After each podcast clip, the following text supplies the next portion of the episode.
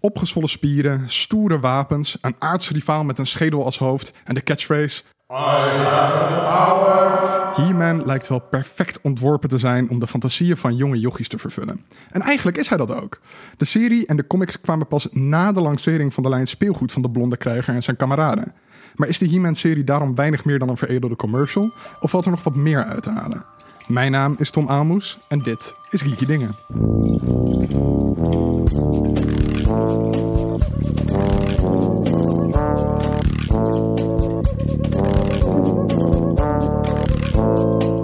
Mijn naam is Sydney Smeets en mijn favoriete He-Man side character is Granomir, de bitchy 10.000 jaar oude paarse draak met een helm. Mijn naam is Sikko de Knecht en mijn favoriete He-Man side character is Orko. Omdat hij mij een beetje doet denken aan Robin van Bassie en Adriaan, maar dan met speed. Mijn naam is Linda Duits en mijn favoriete He-Man side character is ook Orko. Maar dus daarom zeg ik nu Skeletor. Ook al weet ik niet. Ik dacht, iemand moet dat wel hebben, Skeletor. Ja, dat dacht ik, ook, maar ik weet ook niet of hij een side character Ja, is. daarom heb ik hem niet gekozen. Want mijn favoriete side character is dus Evil Lyn. En dat Ja. is eigenlijk alleen maar vanwege de naam. Maar Naam zei je is nou dat je dat, dat je dat niet weet? Want een van zijn favoriete quotes is natuurlijk... I could write a book about things you don't know. U hoorde hem al even. Sikko de Knecht is weer te gast. Hoofdredacteur van Science Guide en vriend van de podcast. Welkom terug. Goede vriend. Ja. Hoe gaat het met je? Zo, wat was ik blij dat ik vandaag weer naar buiten mocht. Ach, ja, geloof ik Beetje graag. als zo'n hè, zo'n koe die weer uit de stal mocht. Nee, wij hebben het, eh, we hebben het allemaal meegemaakt thuis. Met een besmetting en met een eh, echte quarantaine Oh, binnen God. de lockdown. En eh, ik ben er wel klaar mee. Ik weet niet Maar hoe jullie. Sikko voelt dat niet ook? Dat je toch maar wel gewoon extra deel hebt genomen, zeg maar. Ja, bedoel, ja, ja, weet je, wij hebben het allemaal gewoon een beetje voorbij zien gaan. Eh, vanaf, een zij, vanaf de zijlijn. Ja. Ja, ja. Ergens, gek genoeg, hè, mijn vrouw werkte dan in de zorg. En op een gegeven moment was ze dus ziek en mocht ze getest worden. Ben ik op met de auto met haar en mijn zoontje naar het testcentrum gereden. En dat vond ik ook eigenlijk wel weer interessant. Zo'n witte tent. Hè. Vroeger ging ik daar naartoe omdat ik dan iets over Jezus leerde. Maar nu werd je getest met een soort lang playborsteltje in je neus. Dat was allemaal wel spannend. Maar ja, als het dan eenmaal eh, hè, in dag drie van de quarantaine zit, dan ben Is de opwinding ook wel ja, voorbij. wel mee. hè. Zeker als je ook nog voor twee zieke mensen moet zorgen, ben je op een gegeven moment wel een beetje zat. Ai, Nou ja, gelukkig kan je weer naar buiten komen. Ja, Maar tijdens die tijd heb je waarschijnlijk een hoop gekeken... waarover je ons wel iets kan vertellen. Iets- oh, ja, oh, we doen het terug. Ik, ik schakel Ja, hem ja, ja. even, even heel soepel over. Nee, er de waren een paar hele leuke dingen, eh, maar dat ga ik jullie allemaal niet, mee, eh, niet al te veel mee vermoeien. Maar natuurlijk heb ik Community gekeken en Oh, zeg ja. ik alleen van voor het eerst in mijn leven. En dat was echt Oh. dat was al een verrijking tot het einde van seizoen 3. Ja. En ehm, Hoe had je dat nooit eerder gekeken? Ik heb geen idee. Ik zeg, ik heb het, het, het probleem is misschien een beetje dat het heel vaak dezelfde setting heeft. Een beetje zoals wij nu ook zitten aan zo'n tafel. En dat dat gewoon op een of andere manier. Dat ik, dat ik steeds als ik die serie zag, zag ik dat, weet je wel. Dus misschien als je per ongeluk bij Friends altijd die mensen in dat café ziet. Dan dat je ook denkt, waar gaat dit over? Die mensen die de hele dag in het café. Nou, een beetje dat idee.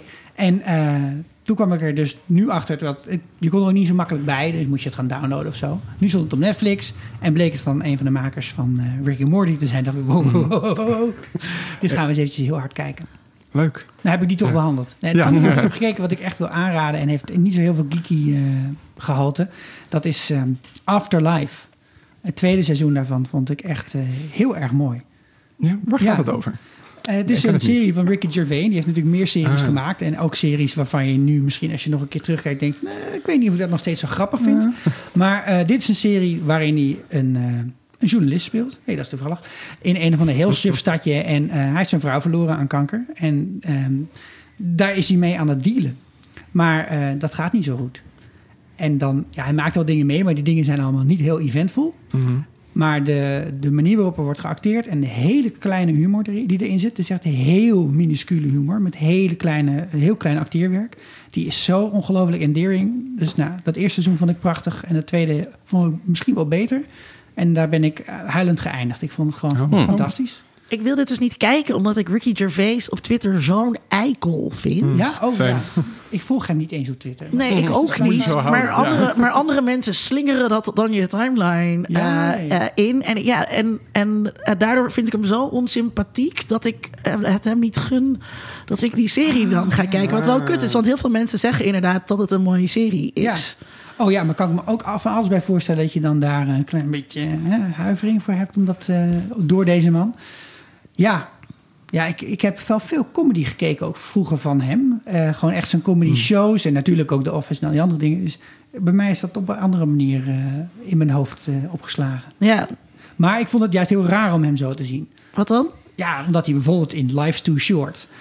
Hè, dat is een serie waarin hij zogenaamd samen met Steven Merchant, ook een van de mensen die de Office heeft gemaakt, de agent is van ehm, eh, Warwick Davies. En dat is een klein persoon die dus Ewoks heeft gespeeld en dat soort dingen. En een groot gedeelte van die serie gaat gewoon om het grappen maken over kleine mensen. Ja. Maar ja, met, met medewerking van Warwick, ja. eh, in deze zin. En, en ook met een hele grote knip over weer van... nou, waar, als je dit grappig bent, ben je, vindt, ben je eigenlijk ook een beetje een eikel. Ja. Ehm, maar dat is, dat is gewoon een hele andere soort... echt een totaal ander soort serie. Echt van een totaal ander kaliber. Dit is, ik weet niet... hij moet hulp gehad hebben, denk ik. Ja, het klinkt eigenlijk best wel goed. Het nee, Ja. Dus dan, dan ga ik dat misschien toch Tom? over mijn, je- mijn Ricky Gervais eh eh, balging heen Ja, zetten. dat kost me wel twee of drie afleveringen hoor. Maar mijn vader, die, ja, die mij nooit iets aanbeveelt, die zei: nee, het is heel, echt heel mooi. Nou, oké. Ga, Nou, ga jij het kijken? Tom? En Ja. dan ga ik op jouw mening af. Ik, ik, eh, ik vertel je er de volgende aflevering Sinds, over. sinds de Westworld-overwinning Oh, ja, ja, eh, ja. doe ik alles wat jij... eh, Laat ik jouw Oh, eerste God. kolen uit het vuur halen. Ja, is goed. Nou, wat voor kolen heb jij eigenlijk zelf uit het vuur gehaald? Nee, dus, eh, volgens mij had jij oh, of nog had er nog eentje? Eh, nee, die wil ik voor het einde bewaren. Oh, Oké, die nou, nou, dat-. Ehm, ehm, ja, mag ik? Eh, ik heb ehm, eh, eindelijk naar eh, de film Portrait of a Lady on Fire gekeken. Ja. En eh, dat kwam omdat er allemaal lesbo's in mijn omgeving zaten te zaniken dat ik die film ehm, eh, moest kijken. Dus op een gegeven moment dan ga je dat maar doen. Eh, ik weet niet of jullie dat weten, maar dit is dus de lesbo filmhit, zeg maar, waar, waar, waar ze ontzettend crazy eh, van zijn. Eh, en, ehm, eh, en dat is volkomen terecht. Eh, eh, dat, dat ze zo gek zijn van die film. Het is snoeihard feministisch. wat echt heel welkom is om dat een keer te kijken. Het gaat over ehm, eh, een lesbische verliefd, verliefdheid. in een ander tijdperk tussen een, een vrouw die schilder eh, is in een tijd dat dat eh, eigenlijk niet echt kon. En zij wordt dan eh, ingehuurd om een jonge aristocratische vrouw te schilderen die uitgehuwelijkt gaat worden. Als haar portret eh, in de smaak valt bij eh, degene met wie ze moet trouwen. En dus daarom wil zij niet geschilderd worden, want zij wil natuurlijk niet trouwen. Ze wil niet uitgehuwelijkt worden. Eh, en tussen die twee, nou ja, dat is een beetje spoiler.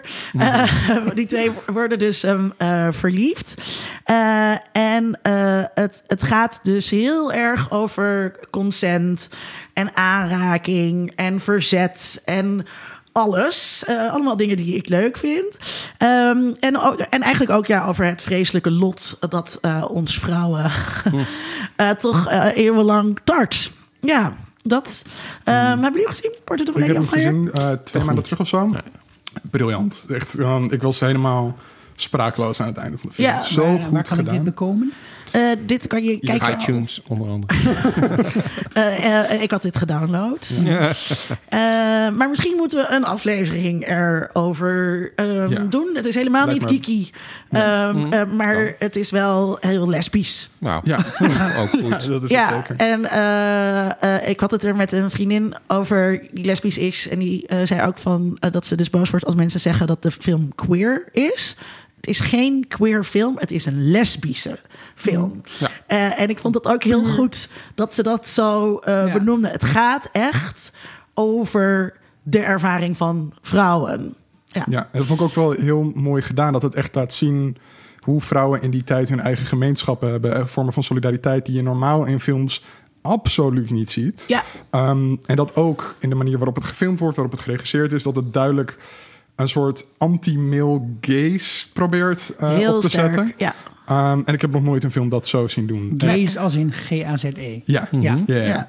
Ehm, en ja, briljant. ja, Heel goed gedaan. Ja, ja, dus echt inderdaad eh, eh, een alternatief op die male gaze. Ehm, en ik, ik ben ook nu aan het schrijven over lesbische geschiedenis voor mijn boek, dat in oktober uitkomt. Eh, en, dat, en dat is dus ook heel interessant. Want je kunt niet zomaar ons beeld van, van homoseksualiteit, dus inclusief lesbisch zijn, op de geschiedenis leggen. Dus je kunt niet. Eh, hè, dus het, het, het ging vroeger gewoon anders, omdat er andere gedachten waren over liefde en seks Ja, en ja. wat een vrouw eh, kon doen allemaal. Daar gaat Ehm, mijn boek ook over. Gaat jouw boek daar ook over? Ik moet hem Oh, over lesbische geschiedenis. Nee, niet over lesbische geschiedenis, maar over de geschiedenis van homoseksualiteit in relatie tot het recht, strafrecht. Ja, Eh, want dat is, als je naar bronnen gaat zoeken, dat zijn eigenlijk de enige bronnen die er zijn. Eh, mensen, dat weet ik. Ja, dat weet jij eh, uiteraard. Mensen schreven eigenlijk nauwelijks eh, over zichzelf in, in dat soort termen. Of als ze het al deden, werd het heel snel vernietigd en kwijtgemaakt, want dat mocht niemand weten. Dus de meeste bronnen die je hebt, die zijn ja, uit strafrecht. Dus die, dat, dat beperkt al een bepaalde blik die je op, op die geschiedenis hebt. En men identificeerde zichzelf natuurlijk niet als homoseksueel of als lesbisch. Die termen bestonden ook voor een deel helemaal nog niet. Lesbisch wel. Ja, lesbisch al wat langer inderdaad. Eh, maar homoseksueel, dat is 19e eeuws. Hè? Eh, Ja. wordt dat, wordt dat voor het eerst 1868. gebruikt. Ja, precies. Ehm, dus dan kom je met andere termen. En dan kom je bij de vraag inderdaad van... ja, is het dan alleen maar iets seksueels? Eh, of is er toch meer aan de hand? Is er ook een soort identiteit? En dat is, is heel interessant. Dus jij bent ook eh, Theo van, je- is het Theo van der Meer van der Meer, over de tribades? Ja, eh, tribades. Twaalf veroordelingen Heel aan weinig. het einde van de... Ja, ik heb het allemaal net... ma- ma- mannen hadden het slechter. ja, 242 Ja, ja. in, in, in Ja. diezelfde eeuw. Maar goed, eh, dat, eh, even, dat even terzijde. Ehm, Heel zijstapje. ik heb iets De meeste anders... mensen denken nu, waar is Star Wars in dit? Ja, ja, Wat, wat is. eh, eh, nee, het is nog steeds kiki dingen. Eh, het tweede wat ik wil aanraden is ehm October Faction op Netflix. Ik zie geen enthousiaste Nee, blikken eh, komen hier. Het, eh, gaat, het is een fantasy-serie eh, over monsters en over mensen die op monsters jagen. Ehm, het is zo'n typische ja, serie in dit genre, zeg maar. Dus het is echt een B-serie. En weet je wel... Het is ook niet Amerikaans, toch? Jawel, het is wel, het is wel Amerikaans. Ehm, eh, het gaat over eh, een echtpaar eh, dat dus op monsters ehm, jaagt. En hun kinderen weten niet dat ze dat doen. Die de vader... Americans, maar dan met mons. Ja, ja, ja, precies. Het is een beetje The Americans, maar dan dus met monsters. En de vader speelt een soort... zoals David Lynch, die speelt zelf in Twin Peaks... en die heeft dan zo'n beetje eigenaardige... eh, rol, zeg maar. Nou, zo speelt die vader. Daar moest, daar moest ik de hele tijd eh, aan denken. Een beetje ongemakkelijk. Helemaal niet passend bij een monsterjager. en, eh, en het gaat dus over hun en hun kinderen. En dan is er natuurlijk... het is allemaal met, met bloedlijnen en dynastie. En er is natuurlijk iets aan de hand... wat je een soort van wel ziet aankomen. Ehm, eh, en er zitten aardige levensvragen in als... Hè, moet je tegenover je kind beamen dat monsters bestaan... als je een monsterjager bent? Hè? Dus als je vijf bent en je bent bang voor monsters onder het bed... zeg je dan... There's no such thing as monsters? Of zeg je, ja, papa en mama die jagen hierop. En, ehm, Of, of niet onder jouw bed. Ja, precies. Want, want die hebben we opgeruimd. Eh, en het is heel lekker als er dan dit soort levensvragen gesteld worden... dat je er zelf vervolgens niet over hoeft na te denken. Weet je wel? Dat, dat, ja, dus het, het kijkt heel lekker weg. Er had van mij wat meer actie in mogen zitten. Nogal wat meer monsters en eh, special effect. Maar ik heb er met heel veel plezier naar dit eerste seizoen gekeken op. Netflix. Nice. Sydney, wat heb jij gezien? Ehm, ik heb een paar Gelezen. dingen gekeken. Eh, ik had als eerste staan eh, Space Force, maar ik begreep dat Sikko daar straks iets over wil zeggen, dus die sla ik even over. Eh, dus dan eh, begin ik, ja, ik heb het eh, draaiboek gelezen. Ah. Dan begin ik met I Know This Much Is True, HBO-serie met Mark Ruffalo in de hoofdrollen. Hij speelt een tweeling. Eh, gebaseerd op een boek dat eh, al heel lang eh, de ronde deed in Hollywood. Omdat het nou ja, een heel goed scorend boek is. Mensen vinden het heel erg mooi als ze het gelezen hebben. Maar tegelijkertijd zoiets hadden van... ja, kun je dit wel verfilmen? Kun je dit verhaal eigenlijk wel in een film of in een serie gieten? Nou, dat heeft Mark Ruffalo gedaan. En dat is heel indrukwekkend. Het is heel naar allemaal wat er met, met hem en zijn broer... met name zijn broer... nou ja, met name zijn broer, hij is het Ja, zelf... hij is het zelf, ja. Gebeurd. Ehm, ehm, kort gezegd, de tweelingbroer... discussie nog een keer Nee, nee, nee. Eh, kort gezegd, de, de tweelingbroers. De ene broer is eh paranoïde schizofreen. Komt ook in een inrichting terecht. Gaat ook allemaal dingen doen die, die echt wel vrij extreem zijn. En de andere broer eh, nou, is in ieder geval niet paranoïde schizofreen. Ik wou zeggen is normaal, maar ik weet niet of dat helemaal eh, politiek correct is. Ehm, maar in ieder geval, eh, het gaat dus heel erg over hoe die broers met elkaar omgaan. En vooral hoe de broer die niet paranoïde is, omgaat met het feit dat zijn broer dus in die inrichtingen komt. Daar ook te maken krijgt met mensen die van alles met hem willen. Waarvan zijn broer misschien zegt, nou dat zit, zie ik helemaal niet zitten. Nee. Ehm, het is prachtig in beeld gebracht. Het is wel heel triest en naar allemaal. Maar het is heel mooi eh, in beeld gebracht. En, en te kijken op HBO. Heeft het iets te maken met Sven Ballet's True? Nee. eh, Want als ik die zin titel, hoor, I inderdaad. know this Ja, much is true, dan hoor je toch meteen... Ja, je dat klopt. Gary Camp dat zingen. Dat klopt, maar dat, volgens, ik moet zeggen, de laatste aflevering heb ik nog niet kunnen kijken. Dus misschien dat het daarin zit. Maar Daar gaat het alleen maar over, dat liedje Maar natuurlijk. eh, voor de rest, nee, er zit wel goede muziek in. Maar dit liedje heb ik nog niet voorbij horen komen. Eh, maar ik zou het zeker aanraden om te gaan kijken. Alleen nog vanwege de acteerprestatie van Mark Ruffalo. Dat is gewoon heel, heel knap gedaan. Ehm, en het andere wat ik heb gekeken, dat is eh, Dispatches from Elsewhere. Eh, staat op Amazon Prime Video. Eh, als je daar een abonnement op hebt. Ehm, kort gezegd, een serie gemaakt door Jason Segel. Die ken je van Freaks and Geeks onder andere. Ehm, en nou ja, die heeft een heleboel eh, andere films ook gemaakt. Allemaal een beetje comedy-achtige films. Maar vaak wel zit er een zeker, zeker een Sarah melancholie. Ja, Hij heeft ja. een hele toffe eh, musical met poppen. Ja, Dracula musical met poppen. Ja. Ja. Die komt ook in deze serie voor. Oh. Kan ik je verklappen. Eh, ja, in, in, in eh, Sarah Marshall zit inderdaad ook dat hij die Dracula mu- musical aan het maken is. En dat... De, de- nou ja, Oh, zit dat in de Sarah, in Sarah Marshall? Helemaal Ja, aan het ja. einde, ja. Ja, klopt. Ah, en, en het komt in deze serie weer terug. Omdat de serie, en dan verklap ik al een beetje, eh, ook heel erg meta is. En ook wel tegelijkertijd dat het een verhaal vertelt. Het is zelfs een waar gebeurd verhaal. eh, vertelt het ook een fictief verhaal. En gaat het eigenlijk ook over Jason Segel als Jason Segel die de serie maakt. Dus het is heel meta en heel, eh, heel apart. Klinkt lekker Ehm, postmodern. ja, het is heel postmodern. het, het, het- kort gezegd is er in het begin van deze eeuw een, een eh, spel bedacht. Waarbij mensen via. Je hebt, eh, je hebt wel eens van die posters hangen waar je zo'n zo'n stripje af kan trekken met een telefoonnummer. Ja, als je kat vermist is. Als je kap vermist is. Nou, die hingen door de stad, in dit geval eh, geloof ik San Francisco, verspreid. En als je dan reageerde op dat nummer, dan kwam je op, eh, kreeg je een locatie waar je naartoe moest. En dan kreeg je een intakegesprek en dan kreeg je informatie. En met die informatie kon je dan op zoek gaan naar de volgende aanwijzing. En zo werd je dus een soort spel ingeleid waarbij er allerlei aanwijzingen waren van plekken in de stad waar je naartoe moest. Er was ook een geheim radiostation, Dispatches from Elsewhere, kon je daarop luisteren, waar dan ook clues in gegeven werden. En uiteindelijk ging het er allemaal om dat je eh, op plekken kwam waar je normaal niet, niet komt. Dingen ziet die je normaal niet ziet. Met name kunst, eh, straatkunst. En dat je ook een beetje op zoek ging naar een, een dame, die, die, een mysterieuze dame die vermist is. En het hele, eh, het hele spel werd, eh, kwam erop neer dat er een instituut is, het Jejoen Instituut, die bezig is om mensen te proberen ehm, in contact te laten komen met divine nonchalance. Nou ja, dat klinkt allemaal heel erg eh, zweverig en dat is het ook. Ehm, en eh, dat spel heeft dus echt bestaan. Dat, dat mensen hebben daar echt dus eh, clues gezocht en zijn op zoek gegaan. En uiteindelijk is daar een, een, een conclusie uitgekomen. En zijn er mensen heel erg van in de war geraakt. Van is dit nou echt of is dit nou niet echt? En, en hebben we het gevonden of hebben we het nou niet gevonden? En nou ja, eh, daar gaat de serie dus ook over. Eh, mensen die dat spel gaan spelen en, in, en met elkaar in contact komen. En dan proberen te ontdekken of het waar is of niet waar is. Of het echt is of het niet echt is. Ehm, en tegelijkertijd gaat het heel erg over eh, mensen die heel eenzaam zijn. En die door dat spel met anderen in contact komen. En nou ja, eigenlijk ontdekken dat iedereen eenzaam is. En dat je dus ook allemaal wel een heleboel dingen hebt die eh, met elkaar overeen eh, komen.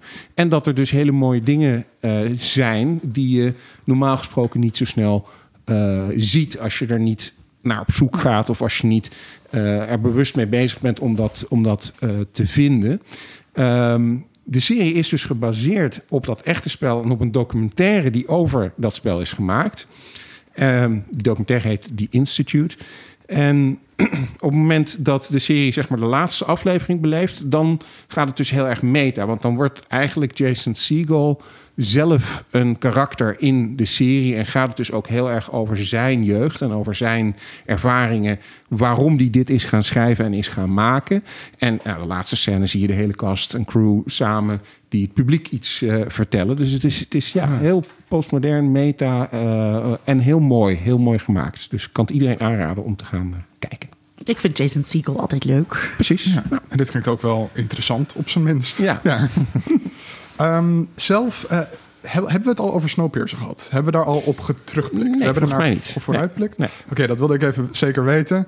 Want ik ben hem dus gaan kijken. Ik heb anderhalve aflevering gekeken en ik ben gestopt. Oh, Oh, jee. nee, Tom. Ik, vond hem, ik, Heb je ik, er zo op verheugd? ik had me er zo op verheugd. Eh, want ik vind de film heel goed. Ik vind het concept heel interessant. Daar kan je heel veel mee.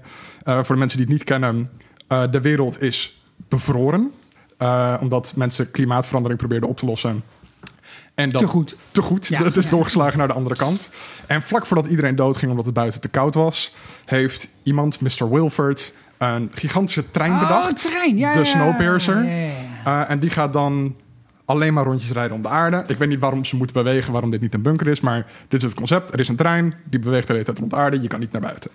Uh, die trein is ingericht als een klassenmaatschappij. Dus achterin zijn de mensen die op het laatste moment aan boord hebben uh, gesprongen. Want die hadden geen kaartjes. Uh, en die dus eigenlijk geen plek hebben. Die zijn allemaal in de cargo hold gestopt. En die moeten daar maar een beetje wegrotten. Dan heb je de mensen die voor de trein werken. Dan heb je de middenklasse. En dan vooraan heb je de upper class en de baas van de trein. Um, en de serie gaat er dus over. Zou het een metafoor zijn? Nou, voor, voor, kan, kan dit een metafoor zijn voor iets überhaupt? Ja. Ik, lees, ik lees liever geen metafoor in uh, series. Uh, dat is mijn tekst. maar uh, Bong Joon-ho heeft hier dus een film over gemaakt. Super politiek, super interessant. Um, het is niet de meest genuanceerde uh, kritiek op een klassenmaatschappij ooit, maar het is gewoon heel goed gedaan. Het is een hele goede film. Um, want het begint dus met uh, de achterkant die besluit dat ze het niet meer pikken en dat ze naar de voorkant willen. En ja. dat is het verhaal van de film. Ze gaan naar de voorkant en dat is de revolutie. Um, de serie begint precies hetzelfde als de film. Bijna, shots zijn bijna hetzelfde. En op het moment dat de revolutie begint, dat begint in de film op het moment dat de deuren open gaan en dan maken ze daar gebruik van om snel allemaal uh, uh, naar voren te rennen. De deuren gaan open. Ze staan op het punt om naar voren te rennen. En de hoofdpersoon wordt uit de crowd gewezen door de mensen uh, van voor in de trein en gezegd: Jij bent de laatste detective op deze trein. Jij moet voor ons een moord op gaan lossen. Oké. Okay, ja. Wat? Um, ja. Niet. Dit is het verhaal van de serie. Het wordt gewoon uh, Murder on the Orient Express. Uh, ja. Ja. Mm.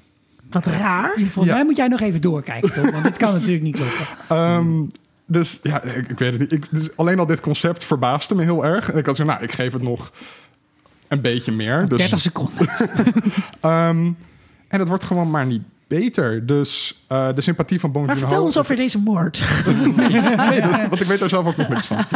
Um, weet je al wie er vermoord is? Nee, ja, maar volgens mij doet dat er niet echt oh, toe. Okay. Uh, het gaat erom dat de moord de balans op de trein verstoort. Dus daarom moeten we het ja. oplossen. Um, Bong Joon-ho's sympathie ligt heel erg duidelijk aan de achterkant van de trein. Mensen die vechten voor hun rechten, uh, omdat ze onderdrukt zijn.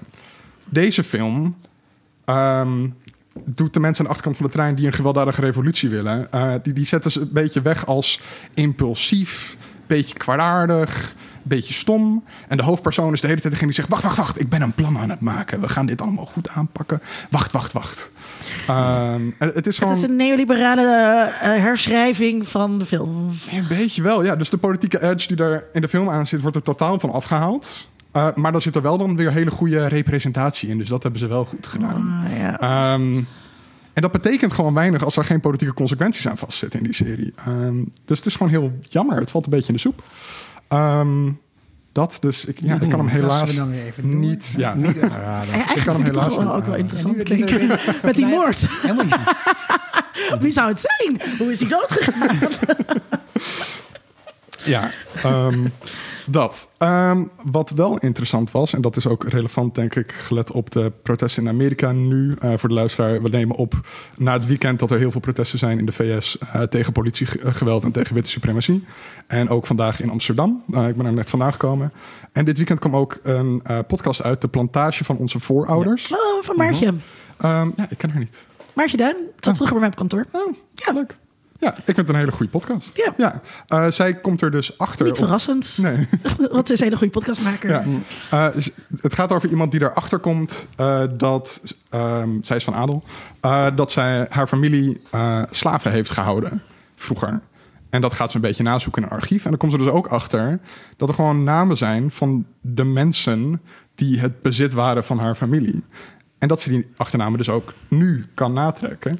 Dus gaat ze op zoek naar een van de mensen eh, die ehm, afstamt van, haar, eh, van iemand die het bezit was van een van haar voorouders. Ehm, en dat doet ze terwijl ze tegelijkertijd ook heel erg let op haar eigen aannames hierover, haar eigen soort van. eh, ze is heel defensief een beetje erover ook. Eh, dus ze, is ook bezig met haar eigen aannames bevragen tijdens dit proces. En dat is heel goed. En ze praat er ook over met haar moeder, die het maar een beetje onzin vindt dat ze die familiegeschiedenis oprakelt. Waarom moet dat nou? Zegt ze op een gegeven moment. Ehm, dus dat is heel interessant hoe je dan kijkt naar hoe dat privilege voortduurt tot nu en wat de consequenties aan de andere kant geweest zijn. Ehm, dus dat kan ik heel erg aanraden. Het is heel mooi gemaakt, heel erg eh, bezig met reflectie op wat je daar ook mee kan doen met dat privilege. Eh, ja, briljant. Ja. Ja, en, ehm, want zaterdag is hij geloof ik online gekomen. ja, de eerste aflevering. Dus Ja. ik denk dat die wekelijks eh, wordt vanaf nu. Ja. Dus nu is echt nog maar de eerste aflevering. Dus ook de persoon die afstamt van de tot slaaf gemaakte voorouders. Ehm, eh, die zit er nu nog niet in. Dus ik ben heel benieuwd wat zij er dan aan toevoegt. En wat zij er. Ja, want ik zag inderdaad in de aankondiging dat, tenminste de indruk die het wekte, was dat zij samen dat die podcast zouden Ja, maken of presenteren. Ja, ehm, ik denk dat de eerste aflevering is gewoon hoe het ook begonnen is. Want het begint dan eh, met die Maartje die dan ehm, zelf dit project start en dan op zoek gaat naar haar. Ehm, dus ik denk dat dat een beetje de context is voor hoe ze daartoe gekomen zijn. Oké. Ehm, en dat begon dus vanuit, eh, vanuit haar. En Maartje heeft ook. ehm, eh, eh, zij heeft het bedacht, zeg maar. En eh, toen pas later, zeg maar, is die andere persoon erbij gekomen om het samen eh, te gaan doen, zeg maar. Dus. Nee, oké. Ja, nee. eh, dus ik ben dus daarom ook. Maar, en, maar, en ik, denk dat, ik denk trouwens ook dat dat dus heel, dat dat heel goed is. En dat je dus ook ehm, eh, voorzichtig moet zijn om dat als wit persoon eh, alleen te doen. Want dan blijf je dus altijd met je blinde vlekken zitten. Ja, en ik denk dat het ook dus goed is dat ze misschien zo alleen begint. Dat ze laat zien van, ik kom uit die positie van privilege... waarin ik überhaupt dit platform ben. Dat ik überhaupt dit project op kan starten. Dat, Ja. dat ik soort van niet de- tussen aanhalingstekens de vrije tijd heb... of de ruimte om dit soort dingen na te jagen. Ja. Ehm, Ja. Dus dat komt er ook wel in terug, denk ik. and the masters of the universe. I am Adam, Prince of Eternia and defender of the secrets of Castle Grayskull. This is Cringer, my fearless friend. Fabulous secret powers were revealed to me the day I held aloft my magic sword and said, By the power of Grayskull!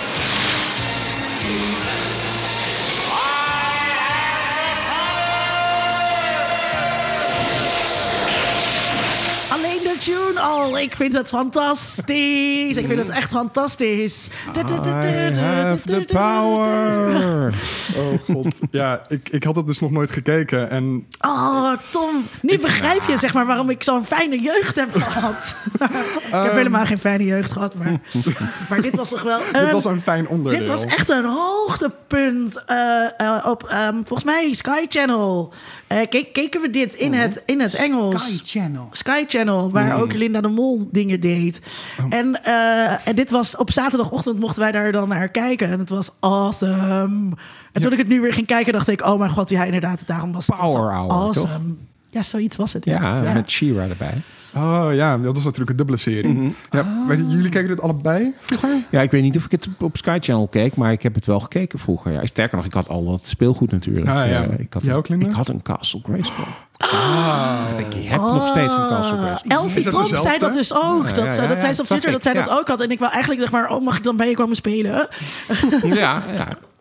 Maar, maar heb je nog steeds dezelfde Castle Grayskull? Of heb je Nou, ik heb, de, ik heb de oude He-Man, eh, dat oude He-Man speelgoed heb ik nog. Dat, eh, dat, dat is opgeslagen, zeg maar, ergens in een garagebox. Eh, en daar zitten zo Castle Grayskull en een aantal van die voertuigen bij. En, en Battlecat en, en dat soort dingen. Eh, en Panther. Eh, maar eh, ik heb nu er weer nieuw speelgoed van, van, van He-Man is gemaakt, heb ik ook een paar nieuwe dingetjes eh, gekocht. Niet ja, want alles. Ze hebben allemaal meer gedetailleerde versies van de oude modellen ja, gemaakt. Er is een, eh, dit is eh, voor adult collectors. Eh, Oké, dus, eh, Sydney. Staat er heel groot op, hoor, dames Ja, en heren. eh, het zijn ook heel duur, eh, moet ik zeggen. Maar goed, eh, ja, dit zijn zeg maar eh, de versies van de poppetjes... als je ze zo getrouw mogelijk zou willen namaken van de tekenfilmserie. Dus dat is eigenlijk heel raar. De tekenfilmserie heeft ze nagemaakt van de oorspronkelijke poppetjes. Hoor je dat? Ze kloppen het geld uit je zak. Ja, precies. En, en deze Winkel, poppetjes winkel. zijn weer nagemaakt van de tekenfilmserie. Dus Ja. daardoor zien ze er, eh, lijken ze op de tekenfilmserie, maar lijken ze dus minder op de oorspronkelijke eh, poppetjes. Ehm, en ze hebben een Laughing Prince Adam eh, gemaakt. En dat is natuurlijk de beste Ah. die je ooit maar eh, kunt, kunt ah, hebben. zo, ja. Ja. ja. Sico, ben jij oud genoeg om dit ook ervaren Nee, te hebben helemaal niet. Nee, nee, nee. nee die, die Butfilm eh, die ik ook heb moeten kijken voor deze aflevering, die is gemaakt in mijn geboortejaar. Ah, dus ja. eh, nee, ik heb dit allemaal. Ik, ik ken dit alleen van memes. Ja. ik ken het echt alleen van mij, ja. En, eh, en toen kreeg ik dat eh, een paar weken geleden een, een sms'je van Linda. Ja, ik heb toch geen bout te doen. Oké, dus ik ga maar deze. En ja, ik heb mij door heel dat eh, universum heen geprobeerd te scrollen eh, de afgelopen weken. Dus inderdaad, de, de- van de speelfilm. Game of Thrones ook. Helemaal niets. heeft het gaat de hoge drama, de, politieke troon intriges. van Castle Nee, nee, nee. Je was, je was, ook helemaal je niets was heel begrepen. blij toen ik je sms'te. Ben je nu nog steeds blij? Nou, kijk, ik vind, het, ik vind het altijd leuk en leerzaam om me dan weer helemaal in zo'n ding te storten en daarover te lezen. En, dan, eh, en het gewoon maar aan te zetten en te kijken, van, wat, wat is dit nou helemaal? Ehm, maar ik, ja, ik, ik heb niet nog jou een, een, een sms'je gestuurd van laat, laat maar zitten. Ik wil, nou, nou wil ik hier ook wel zitten en ook overtuigd worden waarom ik dit dan vaker zou moeten gaan kijken. Of wat hier dan zo ongelooflijk geweldig aan is. Want ik had wel, ik moest het een beetje met een loepje zoeken, zeg maar. Ja, ja, ja. Ik, eh, ik wat hier dan eh, zo fantastisch aan is. Hmm, Ehm, Oké. Er zijn. Er zijn, zeker, ja, er, zijn, er zijn zeker dingen die ik over het hoofd zet. Er zijn ook een paar dingen die ik best wel grappig vond en leuk. Maar dat- echt, ja, niet dat ik denk, oeh, nou, ik moet nou nog eh, bak popcorn nog vier kijken. Dat heb ik helemaal niet. Eh, Linda, jij, jij zei dat het echt een, een plezier was om te herkijken. Waar lag dat aan? Eh, Maar trouwens, even leg nog- eens je had ook een beetje gelogen. Want in je sms'je zei je, ja joh, gewoon een film met een paar afleveringen. Maar er zijn gewoon twee keer Ja. 130 van die dingen gemaakt of zo. heb je toch niet allemaal gekeken? Nee, komt- daar komt niemand ooit meer aan toe. Maar, daar- ik heb zelfs ook eh, is de nieuwe heel veel. She-Ra gekeken op Netflix en zo. Ja, ik, wat, wat, wat kan een mens toch een hoop pulp maken? Dat, Maar als je, als je inderdaad, als je alleen de oorspronkelijke serie, dus dat zijn maar, maar twee seizoenen. Ja. Maar als je die allemaal wil kijken, dan ben je eh 70 uur bezig. ja, Jezus Christus. Dus dat is eh, heel, heel erg 70 veel. glorieuze Uren, uren, ja. waarin je kunt genieten. Eh, ja, ik, ik, het is gewoon echt cult. Ja. Eh, eh, dat, dat, dat is het. En het is heel moeilijk om te bedenken wat cult is of wat cult maakt. Ehm, ik, ehm, ik ben begonnen bij de film, om, eh, om de eerste eh, eh, de film te kijken, want die, had- die had ik nog nooit gezien. Nou, dat was, was echt, vond ik echt een tractatie. Ehm, eh, omdat het zo, ja, ik, ik hou gewoon van zulke films. Het is ook zo ontzettend ethisch. Ja. Dat je dat gewoon. dat- Ongelooflijk, dat, ja. Ja, en dat er, er is denk ik geen eh, decennium dat zo ehm, ken, ken, kenmerkend. Wat je was meteen is als herkent. ethisch. Ja. Dat het gewoon alles aan die film schreeuwt eh, ethisch. En het is natuurlijk. Dus misschien gaan we straks nog apart bespreken. Maar toen Nee, ging we dus- kunnen het ook nu bespreken. toen ging ik dus die Prima. serie ehm, eh, eh, weer kijken. En ik wist ook meteen dus wat ik er dus vroeger zo tof aan vond. Eh, eh, ehm, en, dat, en dat is dus ehm, dat je ehm, wat je als kind, wat mij als kind eh, heel erg aansprak, want jij zei eh, het is voor jongetjes. Zei ik dat? Nee. Dat, dat Net zei Tom bij de dat, opening. Zei jij? Ja, aan het begin zei ik dat in mijn intro. Ja, nou, eh, eh, maar ik vond het dus heel leuk. Ehm, en nou was ik ook Nou, ik niet zei echt... dat het voor jongetjes gemaakt Ja, maar ik was natuurlijk ook niet echt een meisje. Ehm, maar het idee dat je eigenlijk een heel krachtig, heel belangrijk iemand bent. En eh, in, het, in het normale leven is hij dan natuurlijk ook wel gewoon Prins Adam. Maar ja, Ja, die staat helemaal niet bovenaan de klasse naast. Nee, ja, dat, dat, en het is ook heel onduidelijk waarom die He-Man moet worden. Ja. Of ook hoe die weer Prins Adam wordt. Ja. fabulous powers were revealed to him. Ja. Ja, en, dat- en waarom ben je niet de hele tijd He-Man? En, en hoezo weten maar drie mensen je geheim als je best wel herkenbaar bent? Ja, er verandert vrij weinig. Ehm, eh, dat en, ehm, eh, ehm, en, en, of, en, en ook Cringer, die dan eigenlijk heel laf is, maar dan heel dapper wordt. Ja, dat, dat, dat vond ik aansprekend eh, als, eh, als kind. En het Ja. is natuurlijk gewoon, het is echt de smurfen. Eh, eh, dus kijk, elke, elke aflevering heeft Gargamel een nieuw idee hoe hij de smurfen te pakken gaat krijgen. En dat is hier ook. En eh, dus ik was vandaag heb ik een aantal afleveringen zitten kijken. En ja, dus dan heeft Skeletor heeft hij weer een, weer, weer een parel of een diamant. Ja. The pearl of power. En eh, dan nu zal die, nu zal die, die smurfen te pakken krijgen. Ja. en het lukt nooit. Soms bijna. Soms bijna. Bijna. Ja, hier Er zijn zelfs afleveringen van twee delen. Nou, dan zit je echt op het puntje van je stoel. Ja, zou het deze keer Zou dan, het dan toch lukken? Ja. Ja, ja, Nee, word je ook een beetje wel. voor Skeletor. Dat je denkt, hè, dan gaat er nog een keer wat nu. veranderen. Ah, ja, dus dat, en ik, ik vond dus vroeger Skeletor ook al heel cool. Ehm, en eh, ik had nu inderdaad toch echt wel... Ik had wel met hem te doen. Ah. ook omdat ehm, ehm, eh, zijn, zijn vrienden, zeg maar tussen aanhalingstekens... Het is ook heel onduidelijk waarom die bij Skeletor horen... of waarom ze aan Ze die zijn kant evil. staan. Ja, wat is hun motivatie? Eh, Nou ja, van, van Evil Lynn weet ik niet of ze echt... Oh, sorry. Ja. Eh, ook lullig van je moeder. Ehm, ehm, en, en zijn vrienden die zijn ook de hele tijd best wel een beetje onaardig tegen hem. Een beetje reluctant om hem bij te staan of zo. Ja, dus ik- het is best wel een, een, een eenzame ziel die toch elke keer... ehm, ja, Zoals hij eh, in de film zegt...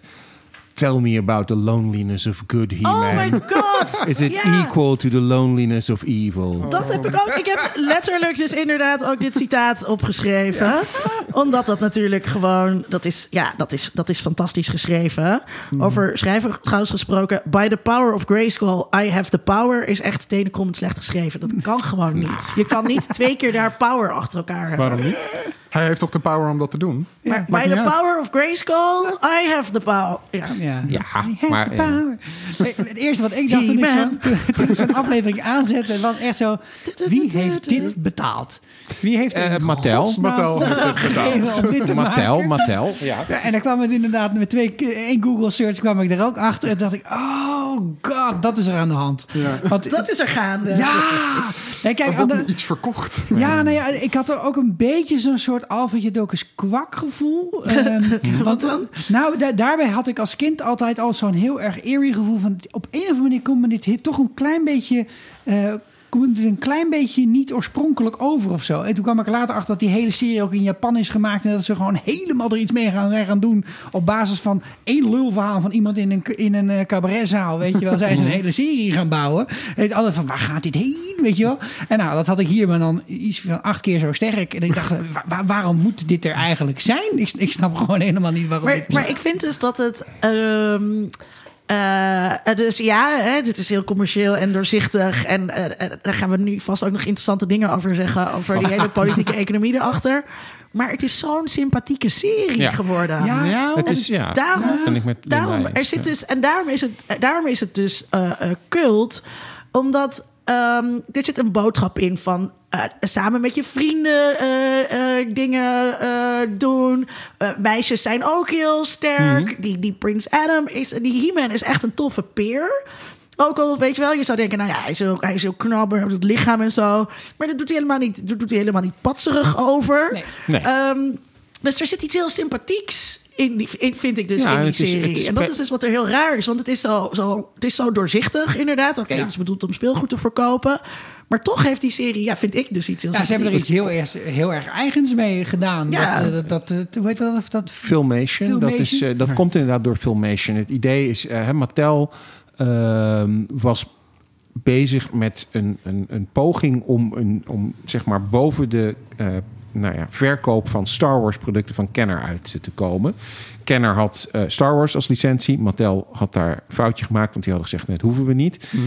En toen dachten ze, ja, dan moeten we iets anders eh, gaan verzinnen. En kwamen ze met Masters of the Universe. Alleen heel veel eh, nou ja, speelgoedwinkels waar ze dat dan wilden gaan verkopen, die zeiden van ja, maar ja, waarom, eh, waarom zouden we dat gaan verkopen? Wie, wie wil nou eh, Masters of the Universe? Niemand kent dat. Nee.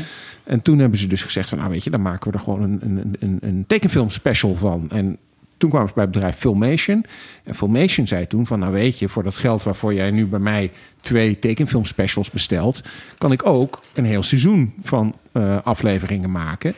En die man krijg je wel één plot. ja, dat is waar. En een heleboel stock animation. Hè. Dat zie je ook. Ja, dat heel veel eh, de nou ja, Prince Adam, bewegingen van Prince Adam en van Skeletor. Die komen de hele tijd terug. Het is ook heel veel eh rotoscope. Hè. Dus dan hebben ze een, eh, een, een echte bodybuilder. Die hebben ze gewoon overgetekend.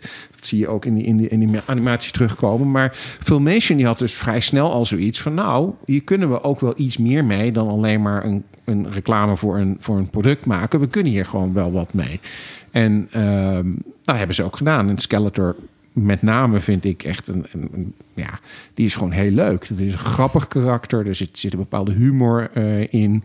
Eh, de dingen die hij bedenkt om dan Castle Grayskull te, te veroveren, die slaan natuurlijk helemaal nergens op. Maar dat is, dat is juist wel grappig. Dat het nergens op slaat. Want hij weet het eigenlijk zelf ook wel een beetje dat het nergens op slaat. Hij doet het gewoon voor de aandacht. Hij wil gewoon erkend worden. Ja, dat. Ehm, en, ehm, Ja, het is heel erg Joker, Batman Ja. eh, in Ja, de daar Lego lijkt het film. wel op. En, en, ehm, en het grappige is, want, jij, want er werd net iets gezegd over het is voor jongetjes, maar het sloeg dus ook bij meisjes heel erg aan. Ehm, en dat is ook de reden waarom ze later She-Ra zijn gaan maken. Omdat ze zoiets hadden van ja, als we nou toch meisjes kijken, dan kunnen we ook net zo goed een meisjesversie van He-Man Maar dat eh, is dus maken. stom. Ja, en She-Ra Ja, is 50 keer zo mooi ongeveer. Nou, eh, die, die She-Ra-serie die is qua in, in de serie, hè? dat doe ik dan. ja, niet in de- is qua, qua verhaal overigens is weer veel beter dan, dan He-Man. Want daar hebben ze eigenlijk meer bedacht van... dan moeten we misschien toch wel een echt verhaal gaan vertellen... in plaats van 60 keer hetzelfde verhaal. Ehm, en gek genoeg sloeg She-Ra dus bij jongetjes ook weer heel erg aan. Dus er zijn ook heel veel jongetjes... Raar, waarom zou dat nou zijn? Ah. geweest? Ja, dus eh, er waren heel veel jongetjes die ook Shiba-poppen gingen, gingen verzamelen. En eh, nou ja, zo zie je weer dat het toch allemaal goed gekomen is. En je hebt die poppen gehad, vertelde je. Nou, van Shiba niet, eh, maar van He-Man eh, wel. Dus, ja, en, en ik zie dan op die, op die filmpjes erover dat die poppen echt bewegen. Dus dat je Skeletor en He-Man Ja. die kunnen elkaar goed uit de bek eh, patsen. ja, nou, het, idee, het oorspronkelijke idee was dat eh He-Man en Skeletor... Het was ook nog weer zoiets. Het verhaal van die Filmation eh, eh, tekenfilmserie is heel anders dan het verhaal wat bedacht is bij die poppetjes. Want bij die poppetjes kreeg je ook een mini-stripverhaal. Dat is een heel ander verhaal. Dat heeft niks te maken met wat je in die tekenfilmserie Nee, ziet. Wat is dan het verhaal? Het verhaal is dat Skeletor één deel van het zwaard heeft en He-Man een ander deel van het zwaard heeft. En als je die tegen elkaar drukt, dan zijn ze één zwaard. En daarmee kan je de eh, eh, jawbridge, dus niet de drawbridge, maar de jawbridge Ah, van, eh, van, van Castle Grayskull openmaken. En wie Castle Grayskull eh bezit, die is de Master of the Universe. Eh, en ja, dat- in de serie is dat, is dat allemaal wat anders geworden.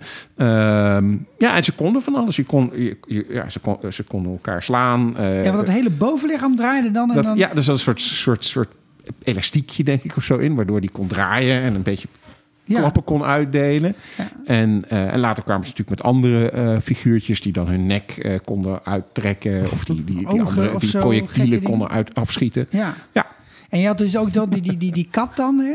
Dat, dat, Battle. Battle Cat. Dat was de, de. Ja, dat is ook dat is een leuk verhaal trouwens. Eh, Dit is echt zo gaaf.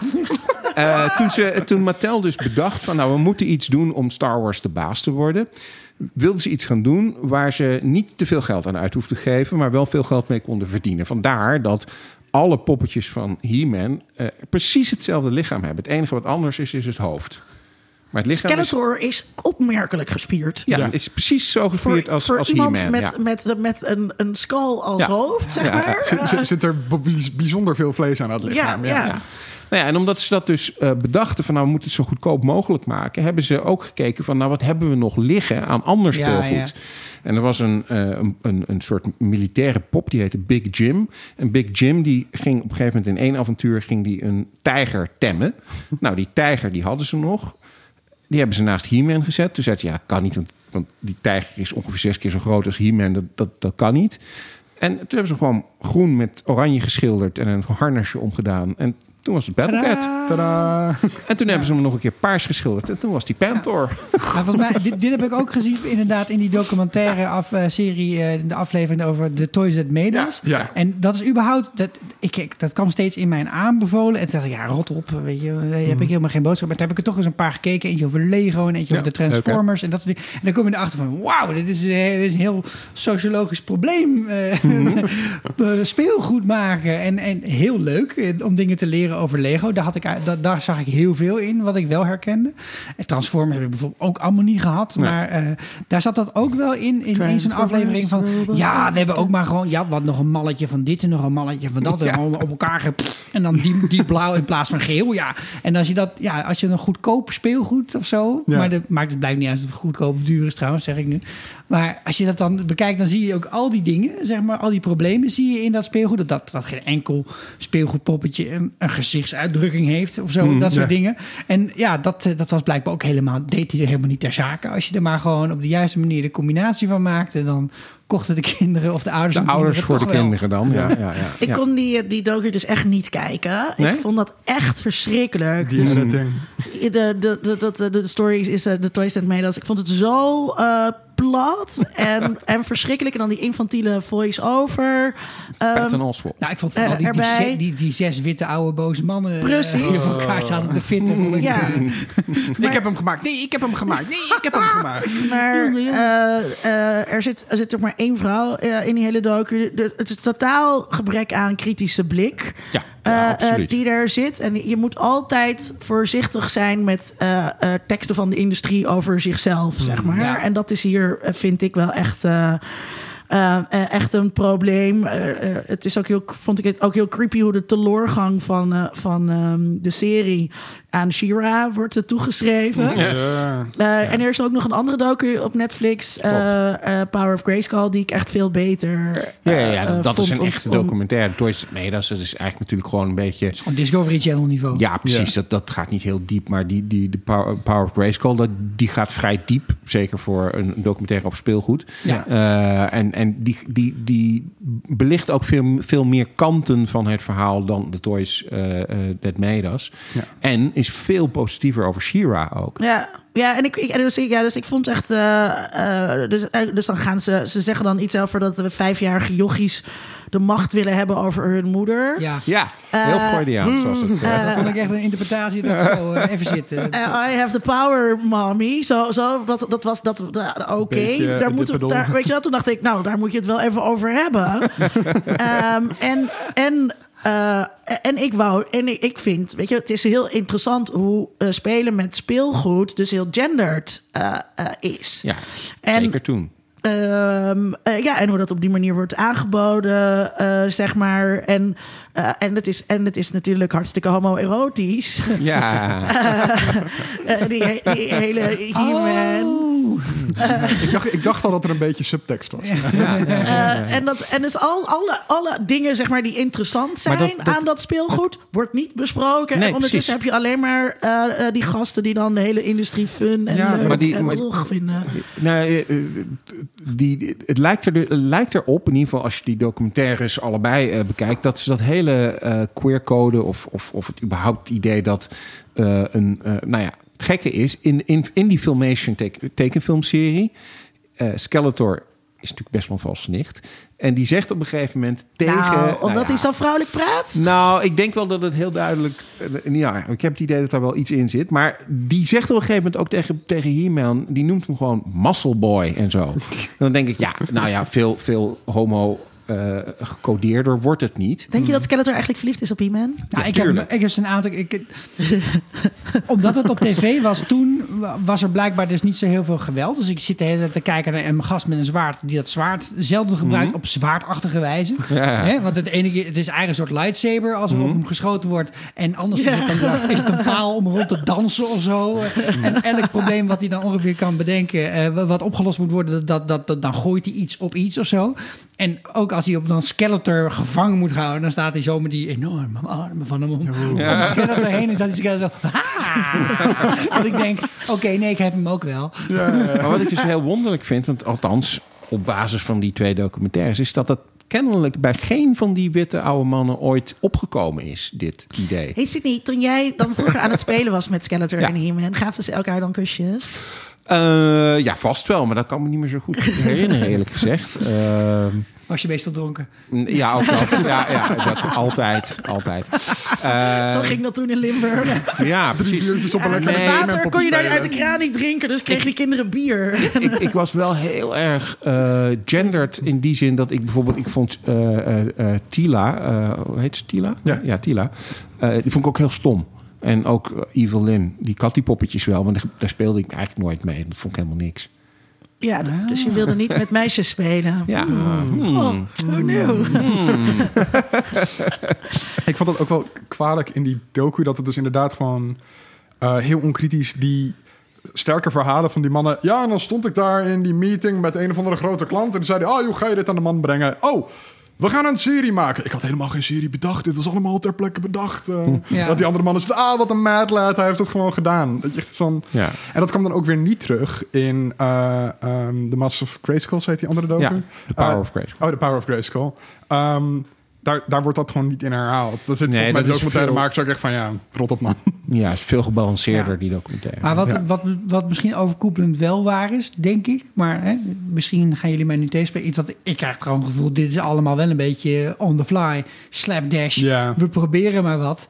Eh, En, eh, en, en we bluffen ons er wel doorheen. En op een gegeven moment was er ineens een serie in een goedlopende eh Ik- Het is, speelgoedlijn. het is eh, belangrijk om je te, om te, je te realiseren dat in de jaren tachtig er anders naar popcultuur werd gekeken dan dat wij nu doen. En eh, eh, dus het, het was een, een beginnende, groeiende industrie, zeg maar. En eh, nu weten we, dus nu nemen we popcultuur allemaal heel serieus. en eh, en- en maken we er gewichtige podcasts over. Ehm, ehm, en toen, dat was toen gewoon ook anders. Ja. Dus. Ik heb, ehm, ik heb ook het idee dat het ook qua speelgoed anders was. Eh, het, het, het is niet zo dat er voor eh Masters of the Universe helemaal geen eh, speelgoed was dat aan popcultuur gerelateerd was. Want dat was er natuurlijk gewoon wel.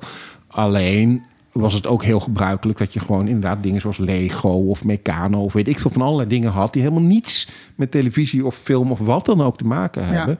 Terwijl in de jaren tachtig, toen ik eh, zeg maar dat speelgoed kreeg, bijna al mijn speelgoed, behalve misschien Lego, had iets te maken met iets wat op televisie te zien was of wat een film was of in ieder geval. de- hè, en als het er niet was, dan kwam het er wel. Ja, dat was uiteindelijk ook de redding van Lego, toch? Dat ze Star Wars Lego Ja, gingen maken en dat soort dingen. Dat, want, ja. Ja. want dan klopt het met een of ander. Wat ik heel eng vind, stiekem, is dat ik als kind opgevoed ben om ook te denken dat dingen in bepaalde sets horen. En dat je dus van. de- dus je, hier was het dus je ook moet zo. het kasteel. Ja, dus je moet het kasteel of je moet het dit. En, en, en als je dat niet hebt, dan is het niet echt. Weet je wel? En dat slaat in, ook op latere leeftijd helemaal door in een soort. Wat ik. laat me- Dan realiseerde ik me ook pas drie jaar geleden of vier jaar geleden. Toen, toen kochten wij een auto, tweedehands. En er stond er serieus op die auto limited edition. Stond er. In- en alleen maar aan de rechterkant van de auto in het deurstijl, want de linkerkant was er afgeflikkerd. en ik echt zoiets had: limited edition, gast. Jij maakt die auto toch? En elke auto is toch een limited edition? Wat is dit voor? En toen dacht ik, Schaarste oh, is een leugen van het kapitalisme. alle limited Ja, editions zijn onzin. Oh, al die stomme Ja. poppetjes van al, sorry voor nee, nee, poppetjes nee. sparen, maar Ik al die, poppetjes. Wat staat hier dan? Dat zijn dingen die ik cadeau krijg. Oh, oké, prima. Nee, maar ja, en ik ben daar eh, als 12 Ja, jaar dat er iets mis is met poppetjes sparen. helemaal in doorgeslagen. Dat, dat ik dus elk ding van Star Wars dat ik kon bemachtigen, eh, wilde hebben. En, en, en het enge is dat het gebruik van dat logo is op een bepaalde manier beschermd juridisch. Dus heeft het ook een bepaald soort waarde die jij als kind niet snapt, maar die er wel is. Maar dan op een latere leeftijd denk ik even, wauw, dit, dit, dit. Als je dat op jonge leeftijd kinderen aanleert, dat er dus iets bestaat zoals een merk. En Ja. dat je dan binnen dat merk moet je binnen dat setje blijven. Dan blijft dat gewoon het hele leven lang door echoen en galmen. En, Ja, en dan gaan die kinderen naar de middelbare school en dan moeten ze merkkleding Ja. hebben. Ja, nee, het is, het is, ehm, ehm, het is echt, het, dus de doorzichtigheid ervan, zeg maar, van de verkooptruc, eh, is ook wel weer. ehm, hoe noem je dat? Eh, hartverwarmend of zo. of weet je dat, dat het ook wel... Het, is, het, ik, Het ligt er zo dik bovenop. Ja, ze, Ja. Ze, ze laten heel goed zien wat de intentie eh, is. Ik mocht dat dus allemaal niet. Dus wij kregen dat speelgoed allemaal niet. Wij mochten dat, dat, dat gewoon eh, niet. Dus we hadden heel veel Jullie Lego. houten blokken. Ja, en eh, ehm, eh, heel veel Lego thuis. En, en, maar, maar ja, dus mijn ouders waren, die, die hebben ons daar wel geprobeerd tegen te beschermen. Wij dronken ook 3S cola. die mochten dan in het weekend en door de week mochten we sowieso geen cola. En dan gingen we dus zeuren, zeuren, zeuren dat we Coca-Cola wilden. Want wij kregen dus ook natuurlijk wel al die reclames mee. Ehm, maar mijn ouders, ja, die waren niet dat mijn ouders anticapitalisten eh, eh, zijn eh, of, eh of eh, links of zo. Maar ehm, het, was, het was dus wel ehm, eh, ook een overgangsfase in die zin. Dat er, dat, dat er dus zoveel reclames op kinderen waren, die zo commercieel waren, dat er zo'n. Eh, dat ook dat je gendered speelgoed kreeg. Dat was er daarvoor eigenlijk ook niet. Eh, hè, dus de speelgoedwinkel wa- had, gewoon- daar had, die had gewoon speelgoed. Ehm, en dit, dit kwam dus wel ook allemaal in de jaren tachtig. Ja, dat zie je ook wel echt. En wij wilden het, ik wilde het dus trouwens wel heel graag, maar we kregen het gewoon niet. Kutouders. Ja, maar Ja. Dat, dat zie je ook, dat begin van de jaren tachtig is dat ook door de Reagan-administratie in de VS, die gewoon besluit van allemaal regels die er waren over adverteren naar kinderen, eh, naar dat tv en publiek goed eh, moet eh, eh, geven. Die zijn allemaal opgeheven in 81. En twee jaar later heb je He-Man. Een paar jaar later heb je Transformers, G.I. Joe, de hele reeks aan al, al die Ja. jaren 80 series. Ja. Die gewoon gemaakt zijn om commercials te verkopen op zaterdagochtend. En dus, He-Man maar die dus niet op de publieke omroep te zien waren. Hè? Dus Nee. dat is ook. eh, dus dat eh, Sky Channel was dus een Engels eh, eh, kanaal. En om de een of andere reden zat dat dan dus op de kabel. eh, eh, dat, hadden ze, dat hadden ze goed gedaan. Maar er was ook geen ondertiteling eh, of iets dergelijks. Ehm, Geen benul waar het over ging. En eh, eh, eh, eh, nou ja, zo leer je dus als kind Engels. Maar, ehm, en ouders wisten dit dus vaak ook gewoon eh, niet. Dus, dus die, die keken niet mee. Die hadden dit ook helemaal niet door. Dat, het, dat er dus zo'n indoctrinatie eh, plaatsvond. Maar bij de publieke omroep was er dus wel dat hele verheven idee van kinderseries moeten goed zijn. Die moeten kinderen wat, wat, wat leren. Dat Ja. moet allemaal educatief verantwoord zijn. En daardoor was dit dus ook nog weer extra cool. Eh, Nou ja, en omdat je kind dat wat- ook een wat- beetje wel door hebt. eh, dat, dat, dat, het, eh, ehm, eh, eh, dat, het, dat het verheffen een beetje door je strot geduwd wordt met de kinderen voor kinderen. Eh, eh, eh, de stichtelijkheid ehm, eh, daarvan. En later pas is er natuurlijk commerciële televisie gekomen die al dit soort series ging aankopen eh, en uitzenden. Nou ja, He-Man was inderdaad, hebben we Tom net aanstipte, was in die zin wel heel voor, vooruitstrevend, nieuw, anders dan wat er daarvoor was. Omdat het echt de eerste serie was die echt zo duidelijk gekoppeld was aan dat speelgood. Hè, sterker nog, de serie komt voort uit het speelgoed Ja. en niet andersom. Dat is ook voor het eerst, toch? Het is echt voor het eerst, want daarvoor mocht het niet. Daarvoor, ja, je mocht wel reclame voor speelgoed maken en je mocht wel een tekenfilmserie maken, maar het mocht niet één zijn. Het moest duidelijk zijn wat het verschil was. Ja. Eh, en hier is dat verschil natuurlijk helemaal weg. Eh, de, de, de tekenfilmserie He-Man is gewoon 30 minuten reclame voor Ja. Het speelgoed. Maar Is dat tegelijk, zo? nou nee, precies. Tegelijkertijd is het dat natuurlijk niet. En dat is nou het knappe, vind ik, van Filmation. Ehm, en ook overigens wat kinderen natuurlijk zelf gaan doen. Want je kunt het heel commercieel bedenken. Maar kinderen gaan zelf met dat speelgoed spelen. En die gaan daar dingen bij bedenken. En Filmation heeft dat, vind ik, ook wel knap gedaan. Door, ondanks dat ze ja, inderdaad een soort reclamefilmpje moesten maken. En, en tot op zekere hoogte vastzaten aan de poppetjes die ze erin moesten zetten. Want die moesten verkocht worden. Hebben ze toch verhalen weten te maken. En ja, ik, ik geef onmiddellijk toe dat het niet de meest briljante verhalen ooit zijn. Nee. Maar ze hebben wel echt iets geprobeerd te doen. En ook Ja. een bepaalde humor erin te stoppen. Ze hebben op een gegeven moment ook steeds vaker eigen karakters erbij bedacht. Van nou, eh, die gaan niet als poppetje verkocht worden, maar die doen we er wel in, want dat vinden wij leuk. En dat is wel knap van Filmation. Dat Ja. ze dus niet gezegd hebben van nou, we gaan inderdaad echt alleen maar een reclame maken. Nee, volgens mij hebben zij ook hun ruimte voor heel erg gezocht in, het, in de karakters die ze Ja. die poppetjes konden geven. En van ja, want ja, ik vind ook toen ik dat met Prins Adam hier met dacht ik dat- dat- inderdaad, wat een sympathieke gast. Het is helemaal niet wat ik verwacht. Als Mhm. zo'n zo'n spierbundel en wat grappig, hij heeft een roze vestje aan en eh, ja, en, eh, en het is inderdaad ook, eh, dit, dit, dit is, eh, er wordt heel vaak aan het einde, want hè, het begin van die aflevering steeds anderhalve minuut exact hetzelfde filmpje. Ik denk, kan ook korter. En eh, aan het einde van Zelfs, die zelfs aflevering. ik trok dat niet meer. echt bij, de, lang. bij de vierde. Ja, ja, ja, zo, ja. Oké, Adam. En, en, eh, nog ander, een ander snel grieven, maar of misschien observatie dat het ook tijdens zo'n aflevering.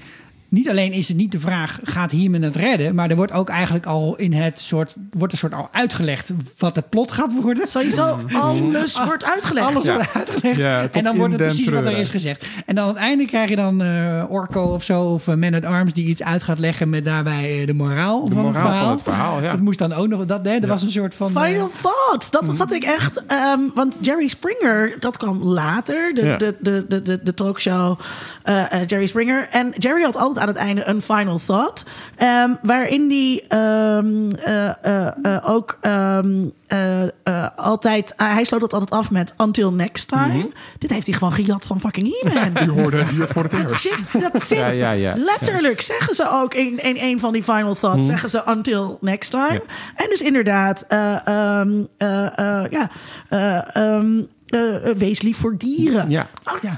Ja. Oké, hartstikke goede boodschap. ja.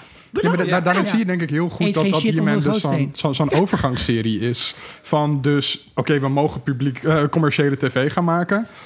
Maar we moeten nog wel een beetje kijken hoe ver we hiermee kunnen gaan. Ja. En dus ook met geweld bijvoorbeeld zit er nauwelijks in. Heel omdat ze er heel voorzichtig mee wilden zijn. Ja. Ze wilden ook juist niet dat Conan-achtige... wat heel duidelijk de inspiratie is voor hoe He-Man eruit ziet. Dat zit nergens in die serie. Het is de meest zachtaardige man ter wereld inderdaad. Eh, dus ze zijn inderdaad heel erg bezig de met aftasten. Wat? Sorry, ja, nee, we komen zo op de film, maar dat, dat is Ja, gewoon... die film is al. Niet met elkaar kan rijmen. Maar, ook, maar inderdaad, en, en ook die, die, die, die boodschap aan het einde vind ik dus ook heel sympathiek. Die, ook, ook als ik het nu herkijk, dan heb ik wel zoiets van, nou ja, boodschap. En onthoud daar kinderen, vergeet niet niet te, eh, te kijken voor je de straat over. Ja, maar ik vind dat wel, ik vind dat toch heel sympathiek in, in, die, in, in, in die afleveringen. En vooral als het dus wel echt iets met het verhaal te maken heeft. Hè. Dus eh, goh, we hebben net gezien dat hij heeft geprobeerd om vrienden te krijgen door ze geld te geven. Nou, als mensen alleen maar van je houden omdat ze geld, eh, geld van je krijgen, dan, nou, dan vind ik een hele sympathieke Ja. manier van zo'n boodschap nog even heel duidelijk naar kinderen toe vertellen. Eh, en ik vind Maar dat om het het heel echt goed. Reaganistic te maken, zitten er zelfs afleveringen in waar ze gewoon say no to drugs Ja. boodschappen Ja, ja, ja, dingen ja. in zitten. Eerst zo van, ze zijn vijf. Laat ze maar niet genoeg mee beginnen. Maar dat is toch ook heel interessant dat je Daarom dan je dereguleert nooit alles. drugs. Maar dan ga je wel en een van de hele stichtelijke boodschap over drugs. Ik, het is ook zo heerlijk schizofreen. Ja. Maar misschien moeten we het nog even, voordat we de film gaan doen, nog ook toch wel inderdaad hebben over, want er werd net gezegd, hè, Conan, eh, Conan de Ja. barbaar. Nou, eh, daar is het duidelijk op geïnspireerd. Sterker Mhm. nog, dat, dat zeggen ze in die documentaires ook iedere Ja. keer van, nou eh, ja, we hebben dat gewoon afgekeken van Frank Verzetta. precies die, die, die tekenaar die, die Conan tekende. Maar tegelijkertijd zit dat er natuurlijk eigenlijk, behalve de esthetiek, niet zo heel erg in. Ehm, en is het een hele rare mengelmoes van science fiction, fantasy, avontuur, romantiek tot Ik kon daar geen laserpijl op trekken. Echt Maar, niet. want welk genre is het eigenlijk? Ja, maar ik, ik denk, dat vond ik dus juist interessant. Dat Ja. ze op een of andere manier het voor elkaar weten te krijgen... om elk avonturengenre ooit te verenigen... zonder dat het heel erg schizofreen eh, begint aan te voelen. Ik vond dat Ja. eigenlijk best wel goed werken... Terwijl je eigenlijk dan in mijn achterhoofd, als als ik erover nadenk, zeg ik van... Ah, maar dit is gewoon omdat ze zo'n breed mogelijk publiek aan willen spreken. En je wil een science fiction figuurtje voor iemand anders... een fantasy figuurtje voor iemand anders. Je hebt een Ja, tovenaar, ja, je hebt een tank. Ehm, Een tank, ja. Een tank was ook, was ook ineens een tank. ja, kan, kan allemaal. Maar ik vind dat best wel goed gedaan. Het is een soort van, nou, niet, geloofwaardig zou ik niet willen zeggen, maar ik vind het een interessante setting waar ik een volwassen verhaal wel in verteld wil zien worden. En, het, en, het, en het wakkert dus eh, eh, eh, de eigen fantasie aan. Dat is dus ook iets wat ik er, wat ik er eh, goed aan vind. Dus dat eh, nodigt uit, het nodigt heel erg uit om je eigen eh, ver- verhalen te gaan bedenken. Waarin je en, en Ja, ehm, want jij zei van eh, het moet compleet zijn. En, eh, ehm, maar eh, volgens mij spelen heel veel kinderen met alle, alle speelgoed door elkaar. Mhm. Ehm, eh, dus ook eh, als je dan een Barbie had, dan kon die ook, eh, weet ik veel wat doen met Evil Lin. Eh, eh, En, en, eh, Je praat hier wel met iemand die al zijn Lego apart gesorteerd op doosje Ja, dus ik- ik in kijk- een bakje had zitten. Oh, Dus ik, ik kijk nu ook weet je, naar jou van. van maar dus dat is, dat, dat is wel zeg maar hoe kinderen spelen. En eh, ik vind dus dat die verhaaltjes. Ja, ook omdat, er zo, omdat ze zo volgens een stramien zijn. Maar je kan dus wel zelf iets bedenken. En dan kan je dus ook eh, eh, je troll erbij pakken. Die je ook in je, in je speelgoeddoos hebt liggen. En die past dan in het verhaal. En je hebt ook eh, ruimtevaart speelgoed. Eh, dus dat kan ook. En dat kan allemaal samen Ja. in jouw fantasiewereld. Daar zitten geen grenzen aan op Eternia. Misschien ben ik wel gewoon een structopaat en komt het niet door het neoliberalisme. Ja, Dat is ook wel mogelijk. ja, niet alles is de schuld van het neoliberalisme. Nee, nee, nee, niet alles. Wel veel. Ja. Oh god. Ik wilde ook nog. Ja, ik zat ook net na te denken over. ik zei het gewoon. Ik had ook zoveel zin in deze Ah, jullie, jullie hadden ook die kat. Jullie hadden ook die... eh, Ik had Battlecat en, Battlecat. en Panther, allebei. Eh, Dat zijn natuurlijk gewoon dezelfde. Ja, je twee keer Maar, hetzelfde ja, alleen- alleen een andere kleur. Ja. zoveel van je. Dat je dat allemaal mocht. Ja, maar mijn, je moet je voorstellen, ik denk dat dat komt omdat mijn vader eh, vroeger niet, die, die, die komt natuurlijk uit een goed katholiek gezin met zeven kinderen en eh, die hadden niet zo heel veel. Die had allemaal alleen maar speelgoed wat hij dan weer van zijn oudere broers kreeg. En Ja. Dus ik denk dat die zoiets had van, Een nou, mijn kind die krijgt alles wat hij wil hebben. Ja. Ehm, dus, dus ja, die kocht dat voor mij en vond het zelf Oh, waarschijnlijk ja. ook hartstikke leuk. Eh, Ja, ik, had, ik had dus ook een vriendje vroeger en die ehm, had ouders, die, die, die waren Chinees. Die kwamen ook uit China. Die werkten bij een grote lagerproducent in Nieuwegein. Lager? Ja, Lager zoals kogellager. Kogellager. Eh, en, ehm, maar die, wa die, ja, die waren allebei Chinees. Die spraken ook de Nederlandse taal eigenlijk niet. Die hadden niet echt heel erg goed door waar ze terecht waren gekomen. Ze werkten wel daar bij die fabriek. En hun zoontje, ja, die was dat wel met allemaal andere, eh, gewoon Nederlands kindjes op school. En die, ehm, die misbruikte dat. dus die zei tegen zijn ouders van, weet je wat de kinderen in Nederland krijgen met Pasen? Cadeautjes. Weet je wat ze krijgen met Pinksteren? Cadeautjes. Dus, de- dus dat jongetje had echt een hoeveelheid spul in huis. Dus je had, je had dan op een gegeven moment Power Rangers. Die moest dan ook met een setje bij elkaar. Ja, ja, en met z'n ja. vijven waren ze één grote Power Rangers. Ja, daar had hij er dus drie van. en dat ging, ging maar door, weet je wel. En ja, maar die kon elke keer ook zo van... Ja, die kon dus steeds zijn ouders aanspreken van... Nee, maar het is weer tijd voor cadeaus. En dan werd er dus weer echt honderden euro's... of guldens nog... uitgegeven zeker. aan, aan, aan, aan cadeaupakketten. Nou, dat was fantastisch eh, als kind. Om zo'n vriend te hebben. Ja, wat ik al zeg, mijn vader vond het denk ik vast. Want ik weet nog dat. Want, want een van de dingen, daar moet ik nu heel vaak aan denken. Wat, wat nu namelijk met dat speelgoed is, is dat het veel meer waard is als je de verpakking erbij hebt. Dat is, dan, dan gaat het Ja. opeens tien Ja, keer alles, over alles in de kast staat ook nog steeds in de blister. Eh, maar zeker ook Castle Grayskull, als je daar de doos nog bij hebt, dan is dat veel meer waard. En ik weet dat dan mijn vader vroeger altijd zei van, je moet de doos bewaren. En dat ik zoiets had van, de doos, de doos, die hoef ik niet, gooi die doos maar weg. Maar Ja. spijt. Jammer. Jammer, ja. ja. Maar goed, je hebt het dus nog wel. Het speelgoed wel, ja, de dozen dus niet meer. Ja, maar ik vind het toch ook wel bijzonder dat je dan ook dat speelgoed toch nog wel hebt. Ja, maar dat is meer omdat. eh, eh, dat komt denk ik deels omdat we vroeger een hele grote zolder hadden. Dus daar kon gewoon alles op en dan gooi je het ook niet weg. En deels omdat ik het zelf heel. Ja, niet los wilde laten. En zoiets had van: ik Ja. wil dit bewaren, ik wil dit niet wegdoen. Ja. Zegt Ja. de directeur van het Sydney Sweets Museum Juist. voor Populaire Ja, Cultuur. ja, Ja, ja. Ik heb ook nog steeds ergens wel gewoon een doos met allemaal Star Wars Lego staan bij mijn moeder, volgens mij. Weet ik niet zeker. Ik hoop dat het niet weggegooid is. Ik weet het Nou, je moeder luistert, dus zeker die- dat Ja. ze er zijn. Mam, mam, heb je het weggegooid? En bij, bij ons is het volgens mij meer de Calvinistische inborst die ervoor zorgt dat als je dan eenmaal een keer iets aankoopt, dat je er heel goed voor zorgt en dat je het nooit weggooit. Dus ik heb ook allemaal oude speelgoed nog. Dat, dat, daar speelt mijn zoontje niet mee. ja. Ja. Ik had ook nog een van oude mijn Duplo. vader. Ja. Ik denk dat, het, eh, dat het weggegeven is aan, eh, aan de neefjes en nichtjes en, eh en ook andere goed terechtgekomen kinderen. nog. Ja. Eh, ja, en ik, ik, maar, en dus ik denk dat, dat mijn moeder wel heel veel dingen ehm, toen bewaard heeft. Maar toen mijn ouders gingen scheiden eh, en het huis verkocht moest, volgens mij is toen alles eh, wel weggedaan. Maar ik hoop dus naar andere kinderen. Ja. Dat, ehm, maar ik zou ook niet, ja, ik zou dat ook niet allemaal hoeven bewaren. Ik ben niet zo'n bewaarder. Hey Poes. Maar genoeg over speelgoed en series, want ik heb heel veel vragen Oh. over het volgende. Ehm, Masters of the Universe, de film uit 1987. ik heb in het draaiboek Ja. in all caps, wat is deze film? Hoe is die gemaakt? Waarom is het op aarde? Waarom zijn er overal synthesizers? Ik snap er zo weinig van staan. Het antwoord op Zijn jouw hier vragen antwoorden voor? Ja, is dus de 1980s. Het antwoord op al jouw vragen is de 1980s. Daar had je synthesizers, jongens met gefeund haar. Mhm. Eh, eh, eh, het is ook niet alleen op aarde, maar het is natuurlijk in Amerika. Daar komen ze natuurlijk eh, Dat is toch ehm, hetzelfde?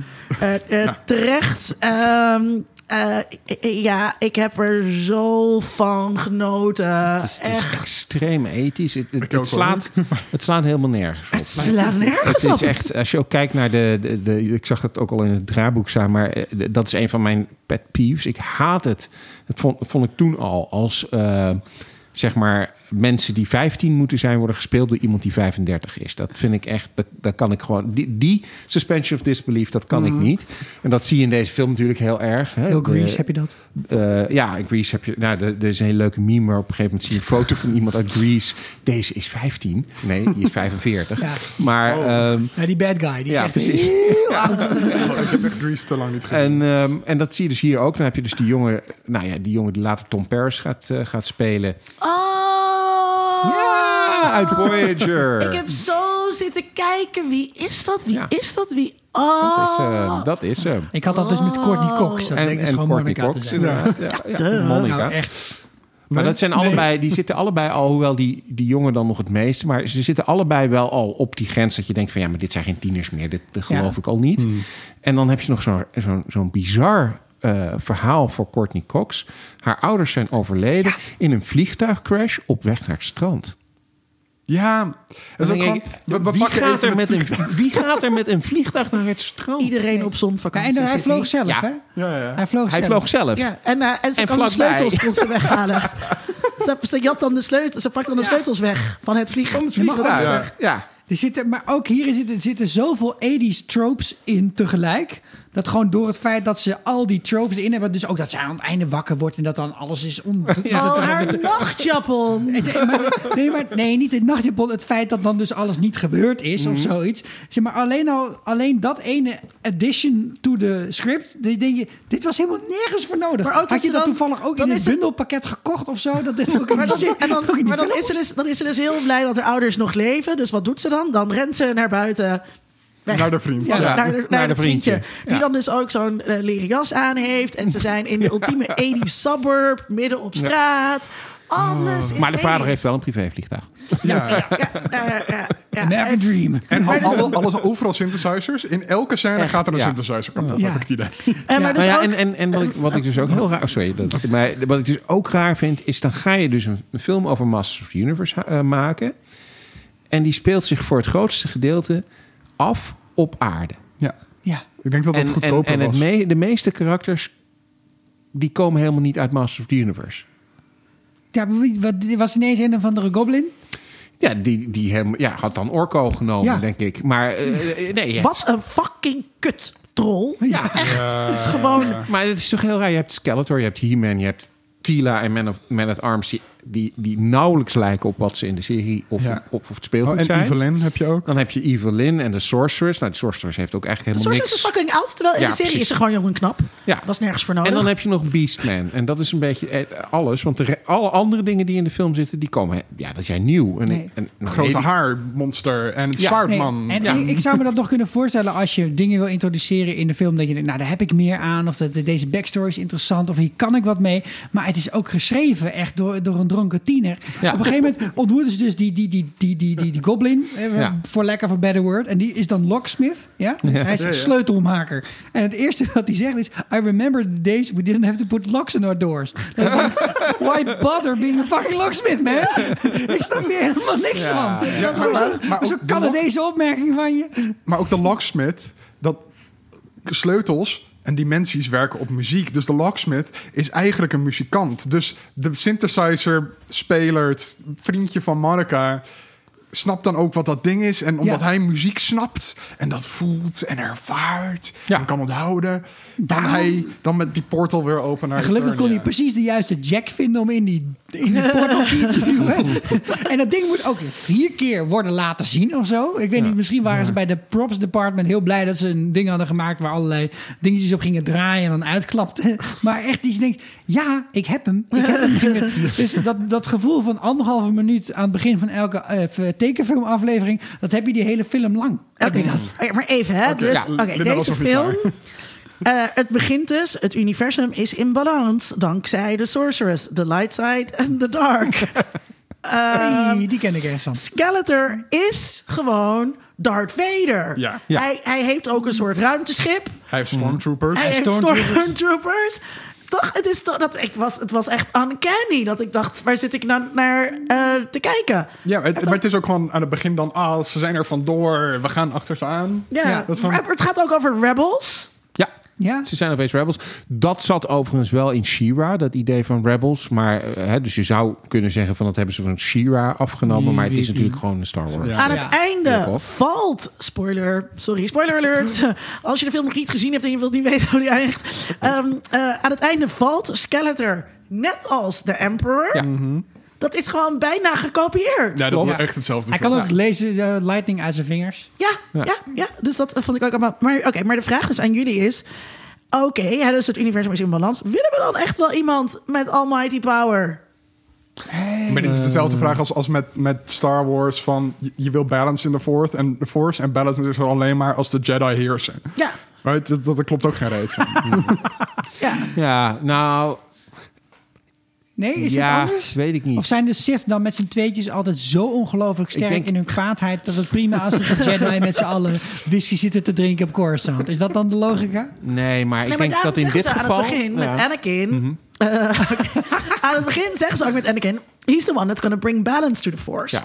Waarbij het dus idee is, eh, eigenlijk, dat nu de Jedi heersen. Er geen balance to the Force is. Zo heb ik dat altijd opgevat. Mhm. Dat Yoda gewoon die hele fucking eh, dingen verkeerd begrepen heeft. Leesfoutje. Hij, hij Ja. he brings Dat balance to vaker the met Force. religies, Ja. hè? Dat je dan zegt, nou, ik had het toch anders gelezen.